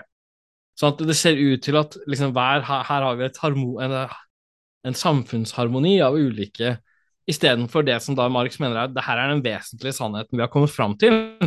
At du har en utbytting, en samfunnsmessig utbyttingsprosess hvor en, en, klasse utbyttes, og så deles, porsjoneres det, byttet ut til ulike aktører, eh, så får du en sånn harmonisk bilde hvor det ikke finnes noe utbytting, hvor alle belønnes for sitt bidrag, og liksom hver for sitt, eh, hver etter hvert som man, man gir eh, til verden, kan du si, da. Eh, sånn at du har eh, ja, det finnes ikke noe antagonisme mellom klasse, finnes ingen klassemotsetninger lenger osv. Liksom, alt er bare et sånt harmonisk spill mellom, mellom eh, samarbeids, samarbeidende faktorer. Og så Hva er det med fordeling For du snakka jo om fordeling, og det var jo der du begynte. Ja. ja jeg er litt nysgjerrig på det. altså, det er jo det at Ok, hvis vi sier at um, ja, vi, det er et Marx Harf-sitat. jeg lurer på om jeg kanskje skal lese det først, men det er, det er et finurlig sitat hvor han, hvor han liksom trekker eh, implikasjonene av en sånn her måte å se det på. da, hvor man, Vi har ikke noe begrep om arbeidskraft, og, og derfor har vi ikke noe begrep om merverdi, og derfor så får vi et sånt harmoniserende syn på samfunnet. Så sier vi da, sier Marx eh, hvordan det her fortoner seg. De ulike inntekter stammer fra vidt ulike kilder, den ene fra jord, den andre fra kapital, den tredje fra arbeid. De er derfor ikke fiendtlig innstilt, fordi de slett ikke står i et iboende forhold til hverandre. Hvis de arbeider sammen i produksjonen, er det en harmonisk handling, et uttrykk for harmoni, liksom for eksempel bonden, oksen, plogen og jorda i jordbruket i den virkelige arbeidsprosessen arbeider harmonisk sammen, til tross for forskjellene mellom dem. For så vidt det oppstår en motsetning mellom dem, skyldes det bare konkurransen, der aktørene tilegner seg mer av produktet, av verdien, enn de har skapt sammen. Og hvis det i denne prosessen av og til oppstår kamper, så viser det seg til syvende og sist, som resultatet av denne konkurransen mellom jorda, kapitalen og arbeidet, at de ved å bråke seg imellom om fordelingen har økt produktets verdi så mye at hver og en får en større andel, slik at deres konkurranse bare framstår som det stikkende uttrykk for deres harmoni. Så du har liksom en sånn vakker, det Marx kaller det en produksjonsfaktorteori, som for så vidt har en sånn moderne etterfølger i økonomifaget.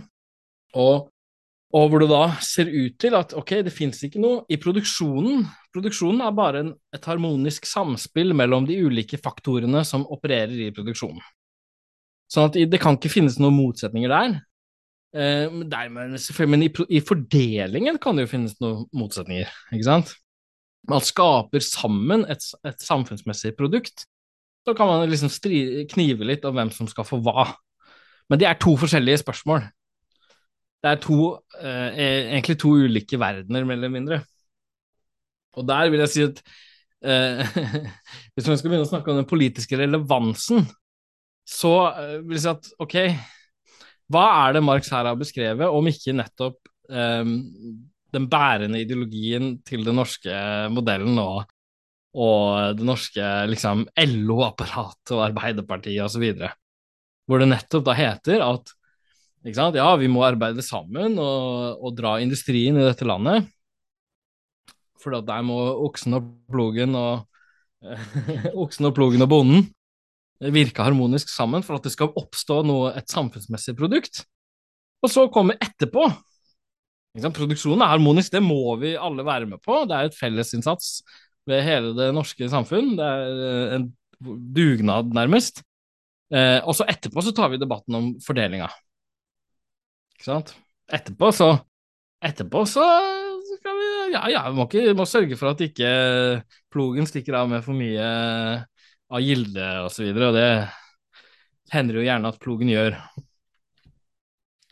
Sånn at eh, Og, og så Altså som en beskrivelse av eh, av eh, tenkeformer som er virksomme i dagens samfunn, så vil jeg si at det her er ganske eh, på, på kornet. Det, er, eh, det som er, gjør det vanskelig å komme inn her, er at i og med at vi har sånn tre tett på Marx, eller fire, eller hvor mange episoder det blir, eh, så må man liksom ha begrepene så inne at man kan gå via begrepene over på den politiske diskusjonen her. Så jeg tror du bare må fortsette ranten din og sørge for at den er uh, tydelig nok når vi kommer over på Vi retter, retter oss mot, uh, mot uh, Magnus Marsdal og Manifest analyse, da. Ja, ja. Som er, er, er blitt nevnt av oss her. Da. Titt og ofte, si. ja, ja, ja. Jeg, jeg, vi eksemplifiserer med, med Magnus Marsdal og Manifest Analyse, som i 2021 rusa på ferske pengeinnskudd fra livskraftig norsk industrikapital, kunne erklære at eh, industriproduksjonen var mer fundamental enn høyre-venstre-skillet i politikken og klasseskillene mellom de to hovedklassene i samfunnet sitattegn rundt hovedklasser, som var det uttrykket eh, som da ble brukt. Marsdal forklarte at investeringsstaten den skal sørge for industriutvikling og vekst. Eh, men, og, og det her har ikke noe med klasseskille i samfunnet eller noe sånt å gjøre, men, men det er liksom eh, når staten sørger for industriutvikling, så er den hele samfunnets, liksom fellesskapets representant. Sitat. Investering Investeringsstaten er en økonomisk nødvendighet for begge hovedklasser. Arbeiderklassen er ikke mindre avhengig enn kapitalistklassen av at landet har en næringsstruktur. Også, sitat, der investeringsstatens oppgave er å sikre at det blir en økonomisk kake å fordele, må fordelingsstaten, som støtter seg på fagbevegelsen, ta makt over den fordelingen. Og vakrere er vel ikke mulig å gjengi den uh, teorien om bonden og plogen og oksen. Uff, ikke sant? Nei. Og her har vi bonden, plogen og oksen. De må jo virke sammen for at det skal bli noe å fordele. Og så etterpå så må man jo knive mellom i konkurransen eh, om hvem som skal få hva. Men når alt er sagt og gjort, så så, så, viser det seg at liksom det, konkurransen mellom de jo bare var det stikkende uttrykk for harmonien mellom dem.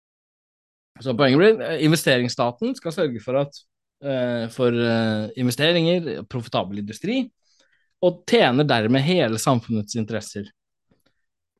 For at hele samfunnet har interesse av økt produksjon, produktivitet, velstand og, og alt flott. Og så kommer jo fordelingen, som splitter samfunnet som skaper litt sånn motsetninger, litt konkurranse, som er det politikk handler om. Det er jo da et spørsmål for en annen stat. Det må, skal finnes to stater, da. I uh, en sånn dobbel, uh, dobbeltmaktsteori i Marsdal her. Både en investeringsstat og en fordelingsstat. Så Men hvis du liksom trekker det helt, uh, helt ned her, da Altså hvis jeg skulle prøvd meg på, um, på å oversette her nå um, nå er jo jeg altså, Nå har jeg av en eller annen grunn fått den der sånn kvasi-alkis-rollen i den gjengen her, men det får nesten være greit. Men når det er to timer uti, så begynner jeg å bli litt pussa. Men problemet her er det at vi, vi, kan liksom, vi kan ikke forutsette at arbeiderne er avhengig av denne staten og investeringsstaten på samme måte. Den harmonien der, det er sånn det er de som Altså det er kapitalistene og grunneierne osv. som er avhengig av arbeiderne, men strengt tatt arbeiderne kan se for seg å leve i andre former for samfunn der hvor de ikke er avhengig av dem, og i hvert fall ikke da trenger noe sånn investeringstap. Det er den underliggende kritikken her, eller hva er det som liksom er den uh, helt eksplisitt kritikken din?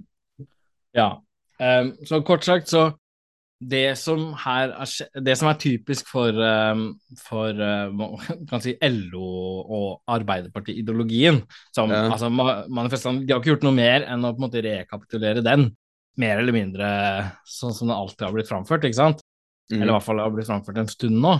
Ja. Um, men da er jo nettopp poenget at vi, en, vi, produserer, da skaper vi en kake, og så fordeler vi. Så produksjonen og fordelingen er to De tilhører to ulike verdener. Mm. Eh, den, eh, produksjonen er ikke stridbar. Den er, det, det, skal vi andre samarbeide om, men vi strider litt når det gjelder fordelingen, ikke sant. Ja, ja. Eh, så det er på en måte det overordna budskapet som sørger for, at, eh, for egentlig harmonien i dette landet her. Og og, og, den samsvarer med på en måte et budskap fra den klassiske økonomien eh, siden begynnelsen av. Men poenget er at så, så det, det, man gjør, er at man skiller da produksjon og fordeling i to ulike verdener. Ja. Så det, det, det, er liksom ikke det, det er ikke det samme. ikke sant? Vi tar den diskusjonen når, når, vi kommer dit, men først så må vi nå produsere. Men det er jo absurd. ikke sant? Det er, Hvis man eh, har en seriøs teori om, om produksjon, så forstår man jo at i et kapitalistisk samfunn så er det ikke bare produksjon som finner sted, det er kapitalistisk produksjon. Sånn at fordelingen som Fordelingen ligger innbakt i produksjonen selv. En ting er at den er en forutsetning for produksjonen, fordelingen av produksjonsmidler osv., men den er en konsekvens av den også. For at uh, i det produksjonen, når den drives kapitalistisk, er, er et samspill mellom mellom ja, du kan si ulike produksjonsfaktorer. Det er en samspill mellom, mellom arbeideren og jorda og arbeidsmidler. Men, men den er en samspill da hovedsakelig mellom ting som kapitalisten eier. Mm. Hvis vi ser bort fra grunneieren, da. Men han er jo på en måte bare en, en overklassefraksjon, han òg. Men så, så produksjonen er en, et samspill mellom ting kapitalisten eier, og derfor så er jo selvfølgelig hele produksjonsresultatet kapitalistens eiendom. Mm, mm. Så fordelingen er jo ikke en egen verden. Som vi, du kan ikke først Og nå skal vi først produsere, og så etterpå tar vi debatten om fordelingen. Ja, veldig bra. Veldig bra. veldig bra. Mm. Fordelingen ligger innbakt i produksjonen, nettopp når den er bestemt som et samspill mellom ting kapitalisten eier. Mm. Eh, så, så, den eh, liksom partnerskapsideologien, måten den blir legitimert på, at man liksom sier ah, nei, du skjønner at uh, her er det Først så må vi produsere, og så tar vi den, liksom. Det er jo en veldig fin måte å, å, å, å skape inntrykk av at det ikke egentlig fins liksom, klassemotsetninger. Det fins bare noen sånne Det fins noen strid, stridigheter i konkurransen mellom faktorene. Det Marsdal kaller hovedklassene. Eh, og den, uh, Det er jo et oppgave for fordelingsstaten, men liksom grunnleggende sett så er vi på samme lag, ikke sant? Mm. Uh, sånn at, sånn at det, er, det er, et, et, et, bilde, et harmonistisk bilde av det kapitalistiske samfunnet som Hva skal man si? Det er ikke vitenskapelig seriøst, da, på en måte. Det er, det er propagandistisk. Men kunne vi sagt det så langt at den, altså fordi at produksjonen er satt opp som den er, så er det veldig sterke begrensninger på hva det den, altså den såkalte fordelingsstaten egentlig kan gjøre for noe etterpå. Også altså, nettopp fordi at det er avhengig av en viss profitabilitet, og du kan ikke, du kan ikke på en måte sånn starte på scratch på tegnebrett og sette opp en fordeling som du tenker at dette hadde vært det mest rettferdige, fordi du nettopp har en produksjon som forutsetter at eieren skal kunne eie alt det den eier, og at det må være lønnsomt det han driver med, liksom? Ja, altså hvis du sier at det finnes Hvis du skal undersøke ja, hvilken faktor i samfunnet er det som er mest bestemmende for hvordan fordelinga blir, så er det jo nettopp organiseringen av produksjonen. Det er jo ikke sånn at eh, det, det at man later som at det, er, det, her er to helt ulike verdener, ikke sant? Eh, at liksom du og, og, produksjonen skaper et eller annet samfunnsmessig produkt som det, så, man så, står helt åpen for å fordele i ulike porsjoner og pakker. Det er jo fullstendig absurd. Og det er like absurd som det er å tro at arbeiderne har interesse av å bli utbytta, som klasse. Altså at, at deres liksom, uh, ubetalte arbeid skal bli tilegna som et merprodukt. Og uh, altså det, det, Da har du nettopp ikke en forståelse av at det finnes klasser. Eller i hvert fall ikke mm. uh, hvert fall ikke Ja, egentlig ikke en forståelse av at det finnes klasser. Da har du bare en sånn, en sånn uh, Ja, det finnes bare aktører uh, um, som spiller ulike roller, men vi er alle på samme lag, type greie. Ja. Uh, hvis du tar på alvor at det finnes klasser, så kan man jo, kan man jo ikke seriøst argumentere på den måten, ikke sant. Og, og hvis man Vi skal ikke liksom terpe for mye på uh, stakkars manifestanalyse her, da, men, men uh, det bør på en måte nevnes òg, ikke sant. Og så fullender de resonnementet her med med en sånt ekstremt nasjonalistisk eh, anti-Kina-retorikk. Hvor det er da Nei, altså vi, bonden og plogen og, og, og hva det var, jorda, vi skal jo virke sammen her i Norge. Men det vi må være redde for, det er den kinesiske investeringsstaten som er i ferd med å ødelegge liksom, det norske produksjonslivet. Det er det som truer oss. Truer oss alle, det. Uh, det er he, altså, helt seriøst. Hvis man leste de manifestrapportene, så var det det som sto der. Og sånn at Det er den kinesiske investeringsstaten som er trusselen. Så vi må liksom Så, så det er liksom en veldig sånn nasjonalistisk kamp mellom de norske produksjonsfaktorene mot de kinesiske, som det mobiliseres til. Og, det er veldig, uh, og, og på den andre sida også da veldig sånn antifinansretorikk. Sånn at motsetningene det går mellom nasjoner, og det går mellom eh, finansparasitter og industrier, men det går ikke mellom egentlig de klassene som man bare eh, later som man snakker om, ikke sant.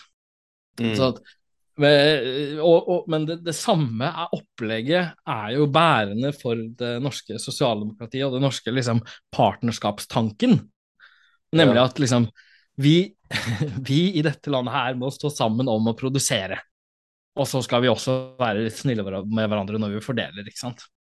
Eh, og man forstår da nettopp ikke den indre forbindelsen mellom Og så blir man jo forbausa, da, når ikke sant, andelen til kapitalistene vokser og ditt og datt, og sånn, at fordelingen ikke blir sånn som man tror, og det er, altså sånn.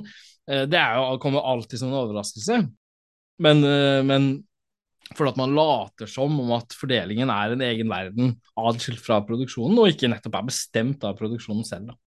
Du har jo spart deg for det billige poenget med at de har fått penger fra Aker Kværner, og at det er eid av Røkke. Men det står i det, Jo, jo, du har, du har sagt det, men du, har ikke, men du har ikke nevnt at Røkke nå har flagga ut, liksom. Det er jo eh, liksom eh, litt sånn ultimat Altså, når du først, da, som en sånn liksom såkalt uh, til venstre for sentrum, i hvert fall, jeg veit ikke hvor radikale de tenker de er nå, men, men når du først som liksom venstresidens tankesmie skal velge deg en kapitalist å få penger av, og så, to år etterpå På et så nasjonalistisk grunnlag òg, liksom. liksom. Ja, ja. men det er jo jævlig gøyalt, liksom, at du tenker ja, Endelig har vi funnet en sånn ekte rotnorsk industrikapitalist som vi kan stole på.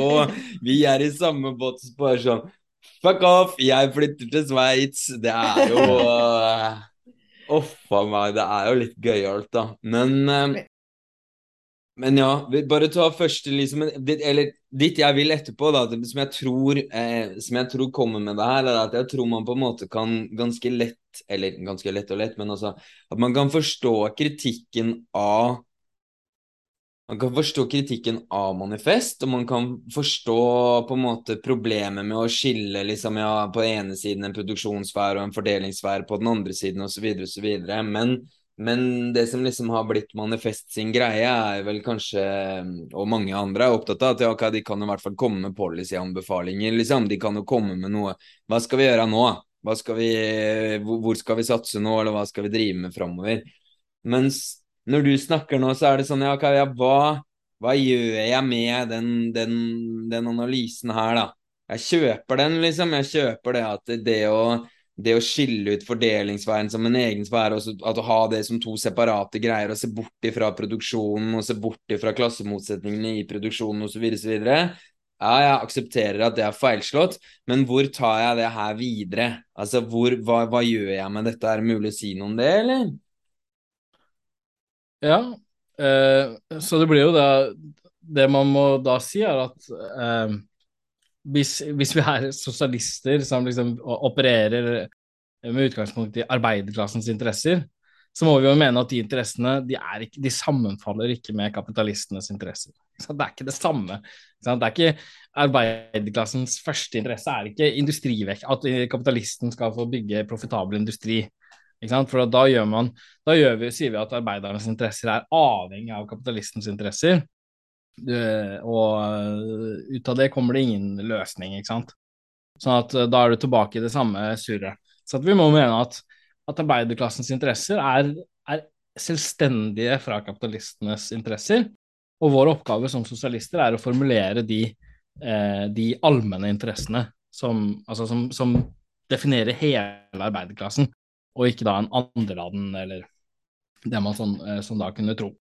Um, det vil jeg si er sånn Det, det, det er vel det, er det som er på en måte ja. det overordna poenget. At det er det som er vår oppgave som sosialister. Så, så, da ikke å si at um, ja, vi, vi, norske arbeidere må sørge for at uh, det finnes et næringsliv uh, som ikke blir rasert av den kinesiske investeringsstaten, og derfor så må vi arm i arm med Røkke og, og dritt og møkk, sånn at norske kapitalismen går bra, sånn at vi liksom kan eh, leve på det. For da gjør vi våre interesser avhengig av kapitalistenes interesser. ikke sant? Da oppfatter vi oss som en underavdeling av det. Um, så uh, ja. Det, det, det, er ja, men det skisserer bra nok uh, retning. Det, altså, vi kan utdype det her mer i en senere episode med, med det ene eller det andre, men da, ja, vi skjønner på Vi har vært inne på det ja. sant, tidligere episoder òg, hva hva det innebærer liksom, politisk. Men men det betyr jo at liksom, ok, når vi, vi streiker og, og, og, eh, kjemper opp eh, høyere lønn og diverse, så skviser vi jo merverdien til eh, kapitalistene, og, vi, og det utsetter dem i en vanskelig situasjon, ikke sant. Men, og da må jo vår, vår, det som pålegger oss, må være å finne, finne, en måte å, å, klare oss uten de. Og ikke å liksom eh, tenke at, at, det er en nødvendigvis er eh, verdens undergang, ikke sant. Mm. Ja. Det er bare uh, konstant og variabel kapital, hvor kommer det inn? Ja, um, så det er begreper som Marx innfører, kan man si, for å opp, kan man si, som, som er i tråd med de, eh, det han her har kommet fram til.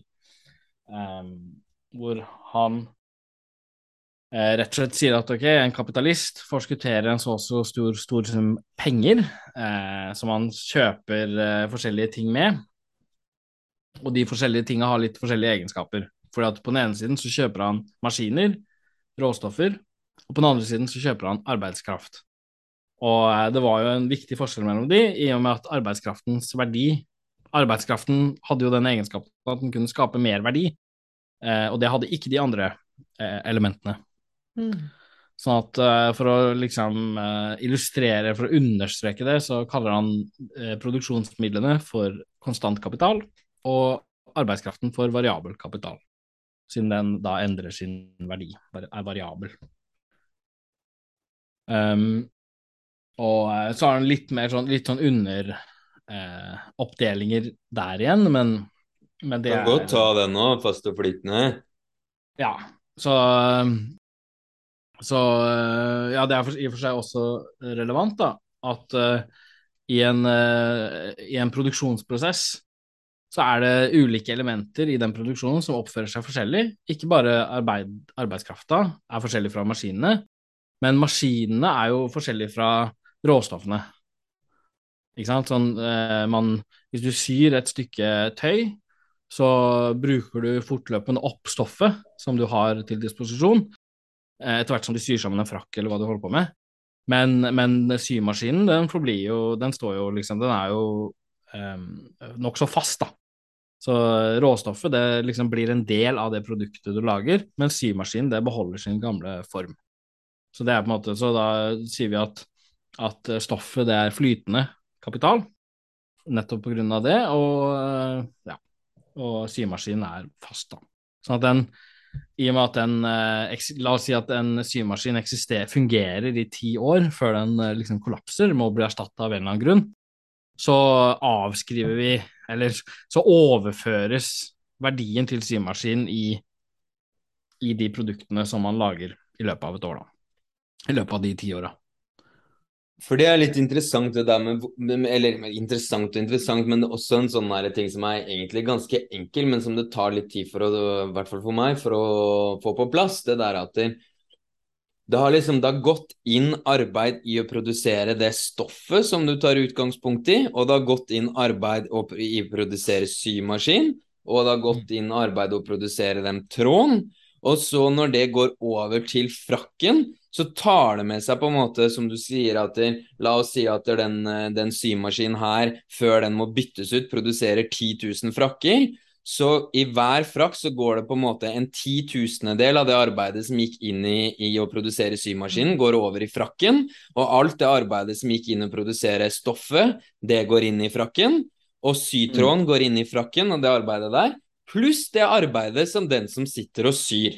Og der kommer det merverdiaspektet inn i, at du på en måte har betalt noe for arbeidskraften til den som sitter der og syr, og hvor lenge du klarer å få den arbeideren som syr. Det er på en måte hele den det er jo nesten underlig når man ser rundt seg og tenker på at alt som er skapt, er skapt av menneskehender. Eller altså sånn når man sitter i en leilighet og så ser man alle de duppedingsene, så er det sånn Noe lagde maskinen som bidro til å lage maskinen som kunne lage ditt eller datt eller bla, bla, bla, men alt var på et eller annet tidspunkt råstoffer og arbeid og maskin... Altså, ja. Ja. Og det er det som man sier at ok, verdien til en vare er bestemt av arbeidet, liksom, som har gått inn i den, men det er, men det er en kombinasjon av nytt arbeid og gammelt arbeid. Så det gamle arbeidet er liksom arbeidet som har skapt maskinene, råstoffene, forskjellige ting, eh, som liksom overføres til det nye produktet. Og så har du det nye arbeidet, som, eh, som også går inn i den eh, verdien til varen. Um, som blir en litt annen måte å se på. Det, det, på måte, I stad snakka vi om eh, en ubetalt og betalt del osv., men nå blir det liksom eh, nytt og gammelt arbeid. Mm. Vil du si noe om forskjellen på abstrakt og konkret òg, eller? Ja, men har jeg Ja, vi har på en måte gjort det i forrige ja, ja, nei, men da har vi gjort det. Da, da går vi videre. Jo, det som Ja. Eh, så at, at ett og samme arbeid får til to resultater, kan man vel si da. At på den ene siden Så det, det er jo liksom det arbeidet som blir gjort, eh, som utføres eh, for å produsere en vare, det har jo på en måte både bevart de gamle produksjonsmidlene og råstoffene, ved å overføre dem deres verdi til en, eh, et produkt, og i tillegg skapt en ny verdi. Og eh, ja, det samsvarer med arbeidets to bestemmelser. At det på den ene siden er konkret arbeid, og på den andre siden abstrakt arbeid. Så har vi merverdirate og utbyttingsgrad. um, Se hvordan, eh, hvordan, vi gjør det her, eh, Lise. Her er det mye store og små bokstaver med C-er og V-er og det ene og det andre. Men uh, det her har vel med Vi har jo snakka om nødvendig arbeid og merarbeid. Poeng Ja, nettopp. Uh, veldig bra, Elise. Du får oss i gang her.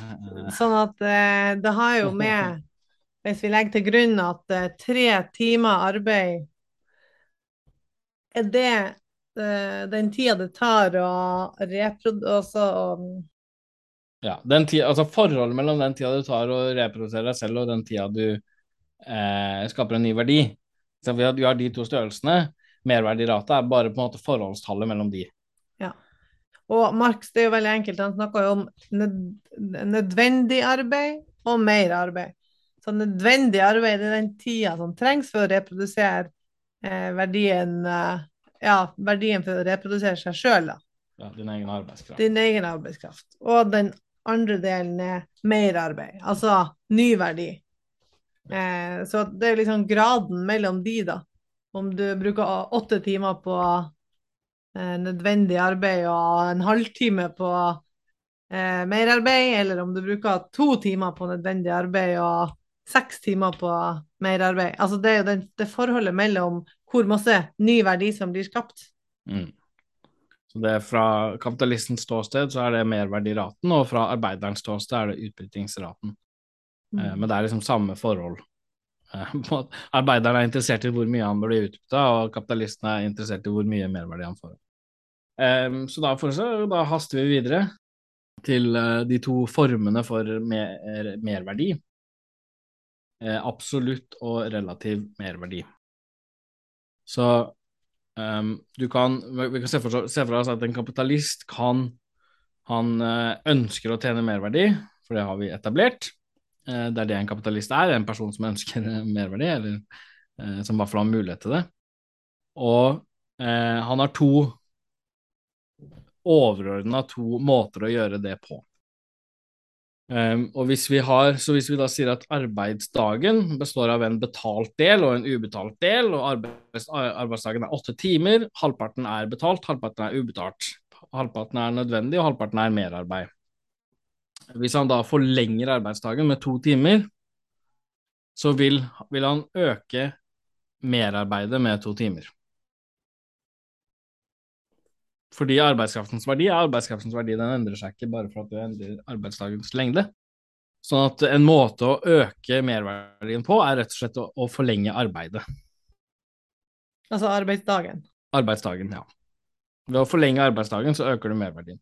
Eh, som er grunnen, rett og slett er den historiske grunnen til at kampen om arbeidsdagens lengde er liksom et av de største kampspørsmåla i hele kapitalismens historie. Og du ser jo bare nå, de vil jo at man skal jobbe lenger. Eller ja, sånn. vi, må, vi, må, jobbe lenger, det er et mantra som går fremdeles. Og, og det har liksom alltid gått. Altså, det, det, er det som er interessant med det. Hele kapitalismens historie eh, er, er, den historien. Eh, fordi Hva er det Mark sier? Altså, profitten består av tidsatomer.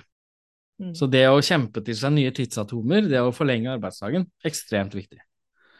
Og det kan du gjøre ved ja, så, det, så det å, um, å, forlenge arbeidsdagen altså, Og i hvert fall ikke at den blir kortere, ikke sant. Mm. Det, det, kan det ikke være snakk om. Og, og Marx har en grundig gjennomgang av arbeidsdag, altså hvordan de historiske kampene om arbeidsdagens lengde osv., som absolutt er verdt å lese. Veldig enkel lesning i og for seg, bare historisk, så å si historisk stoff. Men, men, det illustrerer på en måte Han, har, han deler det inn i to. da. Um, dette med Du har, du har en periode hvor, hvor kapitalistene er svake i samfunnet. Eh, og de, de, de sliter vis-à-vis håndverkerne, på en måte, som de har rekruttert. Eh, og de klarer ikke å få dem til å jobbe lenge, så lenge som de gjerne vil. Og de har ikke så mye makt over dem. Sånn at i den perioden så finnes det tvangslover. Eh, bruker staten tvangslover for å forlenge arbeidsdagen, for å tvinge fram lengre arbeidsdager enn det som ellers ville vært på plass. Så liksom staten vedtar lange arbeidsdager, som, som eh, lengre arbeidsdager enn det som ellers ville ha kommet. Og så utvikles det storindustri, kapitalistens eh, maktposisjon styrker seg, og eh, arbeidsdagen blir lengre og lengre og lengre, så, som vi var inne på da, 14 og 16 timer og så videre sånn. Helt eh, ekstreme greier. Og da, da kommer statens eh, funksjon inn i en motsatt retning, og liksom etablerer en normalarbeidsdag da, på ti timer i første omgang. ikke sant? For å, du, du, må liksom få reguleringer av arbeidsdagens lengde for at ikke hele arbeiderklassen rett og slett uh, slites i hjel. Men, og det selvfølgelig eh, ble ikke godt mottatt eh, i kapitalistkretser, og, og mer eller mindre ganske mange, ganske mange økonomiske pamfletter osv. forutså at her, det her ville liksom føre til hele system, det økonomiske systemets kollaps. Da. Sånn som det alltid gjør når man truer den type pengeinteresser. Men, eh, men, men, eh, men, ja, så det Vet ikke hvor mye vi skal Nei, det er vel greit, men det er, greit. det er vel det som kommer inn, at du får jo eh, maskiner, da. Ja. Som gjør at det skjer noe med effektiviteten og Plutselig får du jeg bare tenkte jeg, når symaskinen kom, sy ei bukse for han eller frakk for han versus en symaskin, det tar ett minutt uh, Eller sånn. Det kan gå sykt fort da, å sy de sømmene som uh, før ville tatt masse lengre tid. Så det er jo det man kan si, at eh, forkortelsen av titimersloven i England, forkortelsen av arbeidsdagen, fører til en ny industriell revolusjon, mer eller mindre til en enorm teknisk eh, avansering, faktisk. Fordi, eh, fordi, det nå lønner seg å innføre maskiner i en helt eh, annen grad. Rett og slett for at arbeidskrafta har blitt mye dyrere enn det var tidligere. Sånn at, for at maskiner Det handler jo ikke om å spare arbeid som sådan, det handler om å, om å spare ja, nå, nå, nå, blir det vanskelig å finne de gode formuleringene, kanskje, men, men uh, å spare mer, mer arbeid enn du, enn du uh, bruker. Det vil jo kanskje lønne seg å investere i en maskin? For at arbeidskrafta blir Det lønner seg mer når arbeidsdagen blir lengre og arbeidskrafta blir dyr. Ja. Vi går videre Favoritt, til Ja, men favorittpassasjen min i Kapitalen er der når han snakker om det med den perioden hvor arbeidskraft er billig i England, men dyr i USA. Og han sier det at britene har utvikla maskiner som gjør at der, eh, man kunne ha satt de inn i kullgruvene, så barna ikke hadde trengt å drive og hakke ut alt det kullet. Men maskinene er så dyre, så det er billigere å sende barna ned i gruvene, så de maskinene de eksporterer de heller til USA. For i USA der er arbeidskraften dyr, ikke sant, for man kan bare gå og finne seg et stykke land osv., så, videre, og så, videre. så det er ingen som gidder å jobbe peng for penger der hvis de ikke får jævlig godt betalt. Så der har de veldig sterkt insentiv til å ta i bruk nye maskiner, for de vil liksom hente ut mest mulig av det lønna arbeidet de faktisk har. Mens på den perioden her da, så er det liksom det er en stor reservearmé, og det er billig arbeidskraft i England, så det er ingen som bryr seg om at de åtteåringene som sitter nede i de kullgruvene og hakker eh, kull, at det suger for dem. Fordi at det er tross alt billigere enn å ta i bruk de maskinene som faktisk finnes, da.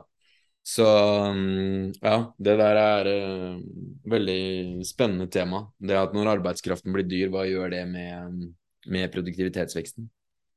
Det illustrerer jo eh, maskineri, altså de begrensningene eh, kapital, kapitalens perverse måte å utvide produktiviteten på. Ikke sant? Den mm. gjør det bare under visse betingelser. Den er ikke interessert i det allment. Uh, og det illustrerer jo liksom hvordan den er en, en hemsko uh, for oss. da. For Hvis man tenker på liksom alt det nattarbeidet som skjer i et samfunn, f.eks. Altså hvis det var et Hvis det var et samfunn der hvor man satte seg ned og bestemte seg for hvordan skal man organisere eh, produksjonen av, av varer og tjenester, så ville, er det jo naturlig å tenke seg at man vil begrense nattarbeidet så mye som mulig, fordi at det, alle vet at det er sinnssykt helseskadelig, liksom at det er, øker sannsynligheten for kreft og det ene med det andre. Men veldig mange av de som jobber natt i Norge altså Nå snakker jeg ikke om i industrien, for det er, jo, det er jo relativt dyr arbeidskraft, men de som jobber natt i Norge, det er jo ekstremt billig arbeidskraft, ikke sant? Så du har nesten mm. ikke noe insentiv til å drive med med teknologiutvikling for å erstatte eller minimere antallet som må fly rundt. For det er liksom folk som flyr rundt og leverer aviser eller produserer brød eller hva det nå måtte være for noe. Altså veldig mye sånn Ja, lave kostnader, da. Så den, det, det, stresset ligger ikke der på å, å, å, få minimert det så mye som mulig, men som er helt åpenbart at man hadde gjort i et samfunn der hvor man hadde tenkt igjennom ok, hva er best for menneskene? Mm. Og det er jo det som De to begrepene man begynte med, absolutt og relativ merverdi, da kan man oppsummere med å si at absolutt merverdi, det er når du da gjør arbeidsdagen lenger, og du bare utvider merarbeidet, mens relativ merverdi, det er når arbeidskrafta blir billigere, og du får mer av kaka. på en måte. Ja, sånn at Hvis du sier at um, i det første eksempelet så har du fire timer nødvendig arbeid, fire timer merarbeid. Du forlenger arbeidsdagen med to timer, og dermed får du to timer lengre merarbeid, som gir, gir deg mer merverdi. Men en annen uh, variant ville jo være om, om, du produserte livsmidlene til arbeiderklassen billigere og raskere, mer effektivt enn før. Eh, som da eh, som jo, La oss si så raskt at du nå bare brukte to timer av arbeidsdagen på å reprodusere arbeidskraftas verdi. Resultatet vil jo bli det samme, eh, at merverdien, merarbeidet, ble utvida med to timer, og dermed merverdien. Eh, men nå ikke på grunn av noen forlengelse av arbeidsdagen, eh, men fordi at det går raskere å produsere de eh, arbeidskraftas verdi. Eh, så kort sagt så er med, med liksom utviklingen av produktiviteten, utviklingen av arbeidets produktivkraft, mm. så, så, eh, vil det jo bli eh, så vil jo den, det nødvendige arbeidet bli en mindre og mindre andel av den totale arbeidsdagen, som er grunnen til at med den kapitalistiske produksjonsutvikling så, blir, så vil merverdiraten stige, mm. faktisk. Eh, den har en stigende tendens. Men eh, eh, Mens så på grunn, Nettopp av det, da, at arbeidskraften blir billigere. Eh, men det er ikke det som motiverer kapitalistene. Kapitalistene motiveres ikke av eh, ikke egentlig av relativ merverdi, men av at de ønsker en sånn slags ekstra merverdi. Så det er at når, du, når din bedrift produserer liksom, har eksepsjonelt raske produksjonsmetoder, så kan du tjene inn en ekstra merverdi eh, på det. Eh, som bare har å gjøre med at du, din bedrift ligger framfor de andre. Uansett hva du produserer, uansett om det er lønnsgoder eller andre varer. Så hvis den er den første bedriften som fikk symaskin, sånn nice! Produserer jævlig mange frakker på en dag i forhold til de som sitter og syr for hånd, og bare sånn Yes, vi naila det! Nice! Men så går det noen år, og så har alle fått symaskin. Og da, faen, ja, ja, OK. Så er det bare same, same. Ja, det er nettopp da ikke same, same. For at eh, de sy... Eh, altså, klærne har blitt billigere. ikke Så, så, du hadde en, en, lykkelig situasjon hvor du selvfølgelig hadde eh, Du produserte eh, syartikler veldig billig, eh, og da tjente du penger for at du kunne selge dine varer til mer eller mindre den samme gamle markedsprisen, men du produserer raskere, så du tjener, har, får en mye høyere profitt enn de andre kapitalistene. De andre kapitalistene kommer seg på nivå, det må de jo gjøre, konkurransen tvinger dem til det, så den ekstraprofitten den forsvinner og kanskje den til og med forsvinner, går over til noen andre aktører. Men den er liksom en sånn flyktig greie. Men når, eh, når de andre har henta deg inn, eh, kommet på samme nivå, produserer syartikler i samme hastighet, så har det jo skjedd en endring. Nemlig at eh, det syartiklene allment produserer med mye, mye raskere enn før. Sånn at den andelen som, sy, som liksom klærne, som en andel av lønna til arbeiderne, den har gått ned. Så det betyr at selv om du har mista den liksom ekstraprofitten som du hadde i en liten periode, men den allmenne merverdiraten har blitt høyere. Sånn at sånn, så du har liksom økt profitten din faktisk på den måten, eller økt merverdien din da, på den måten. Um, så merverdien er jo da noe annet enn profit, eh, profitten, for at merverdien måles bare på, på eh, i forholdet mellom arbeid og det nødvendige arbeidet og merverdien, mens profitten måles på liksom hele kapitalutlegget. Det her er klin klar, klart for meg, så til, til, og med Morten henger med. Men jeg tror, men nå har vi jo klart det. Ja, det, er, er, det er greit nå. Nå er vi jo ferdig. Jeg var ikke ironisk, ja. Altså, det er åpenbart ja, at det beste er å selge maskinsydd stoff til håndsydd pris. Ja. Det er det beste. Men når alle selger maskinsydd stoff, så må man selge maskinsydd stoff til maskinsydd pris. Og mm. da blir utlegget mitt større til maskiner enn det det gjorde før. Fordi at nå må jeg legge ut eh, til maskiner, så det blir en større andel til konstant kapital. fordi at før, når jeg skulle selge 100 frakker, så måtte jeg ha 20 arbeidere. Men nå når jeg skal selge 100 frakker, så må jeg ha eh, tre arbeidere og bare masse symaskiner. Så det er en større andel til konstantkapital, og den konstante kapitalen den får jeg ikke noe merverdi fra. Men de tre arbeiderne som jeg fortsatt har, de har en høyere merverdirate enn det de hadde før. Altså, de har mindre andel av deres tid, for de, de syr jo fortsatt 100, 100 frakker, liksom. Så jeg mm. skjønner jo det at merverdiraten på dem er høyere. Men, men eh, profittraten min er ikke nødvendigvis høyere fordi at jeg må kippe i så mye til den konstante kapitalen til disse symaskinene. Mm. mm. Og ut, utbytningsgraden blir jo da høyere òg, når de ja, ja, ja, ja. så masse i løpet av en eh, dag. Så Absolutt. utbytningsgraden i dagens Norge er mye høyere enn det var i, under den industrielle revolusjonen i England. Ja. Mm. Ja, det Tro det eller ei. Ja. Men sånn er det. Sånn er det nå en gang. Det får du får tenke litt på det der. Men ellers er vi vel ferdige, er vi ikke det? Ja, det tror jeg. Ja, Nå kan vi sove godt.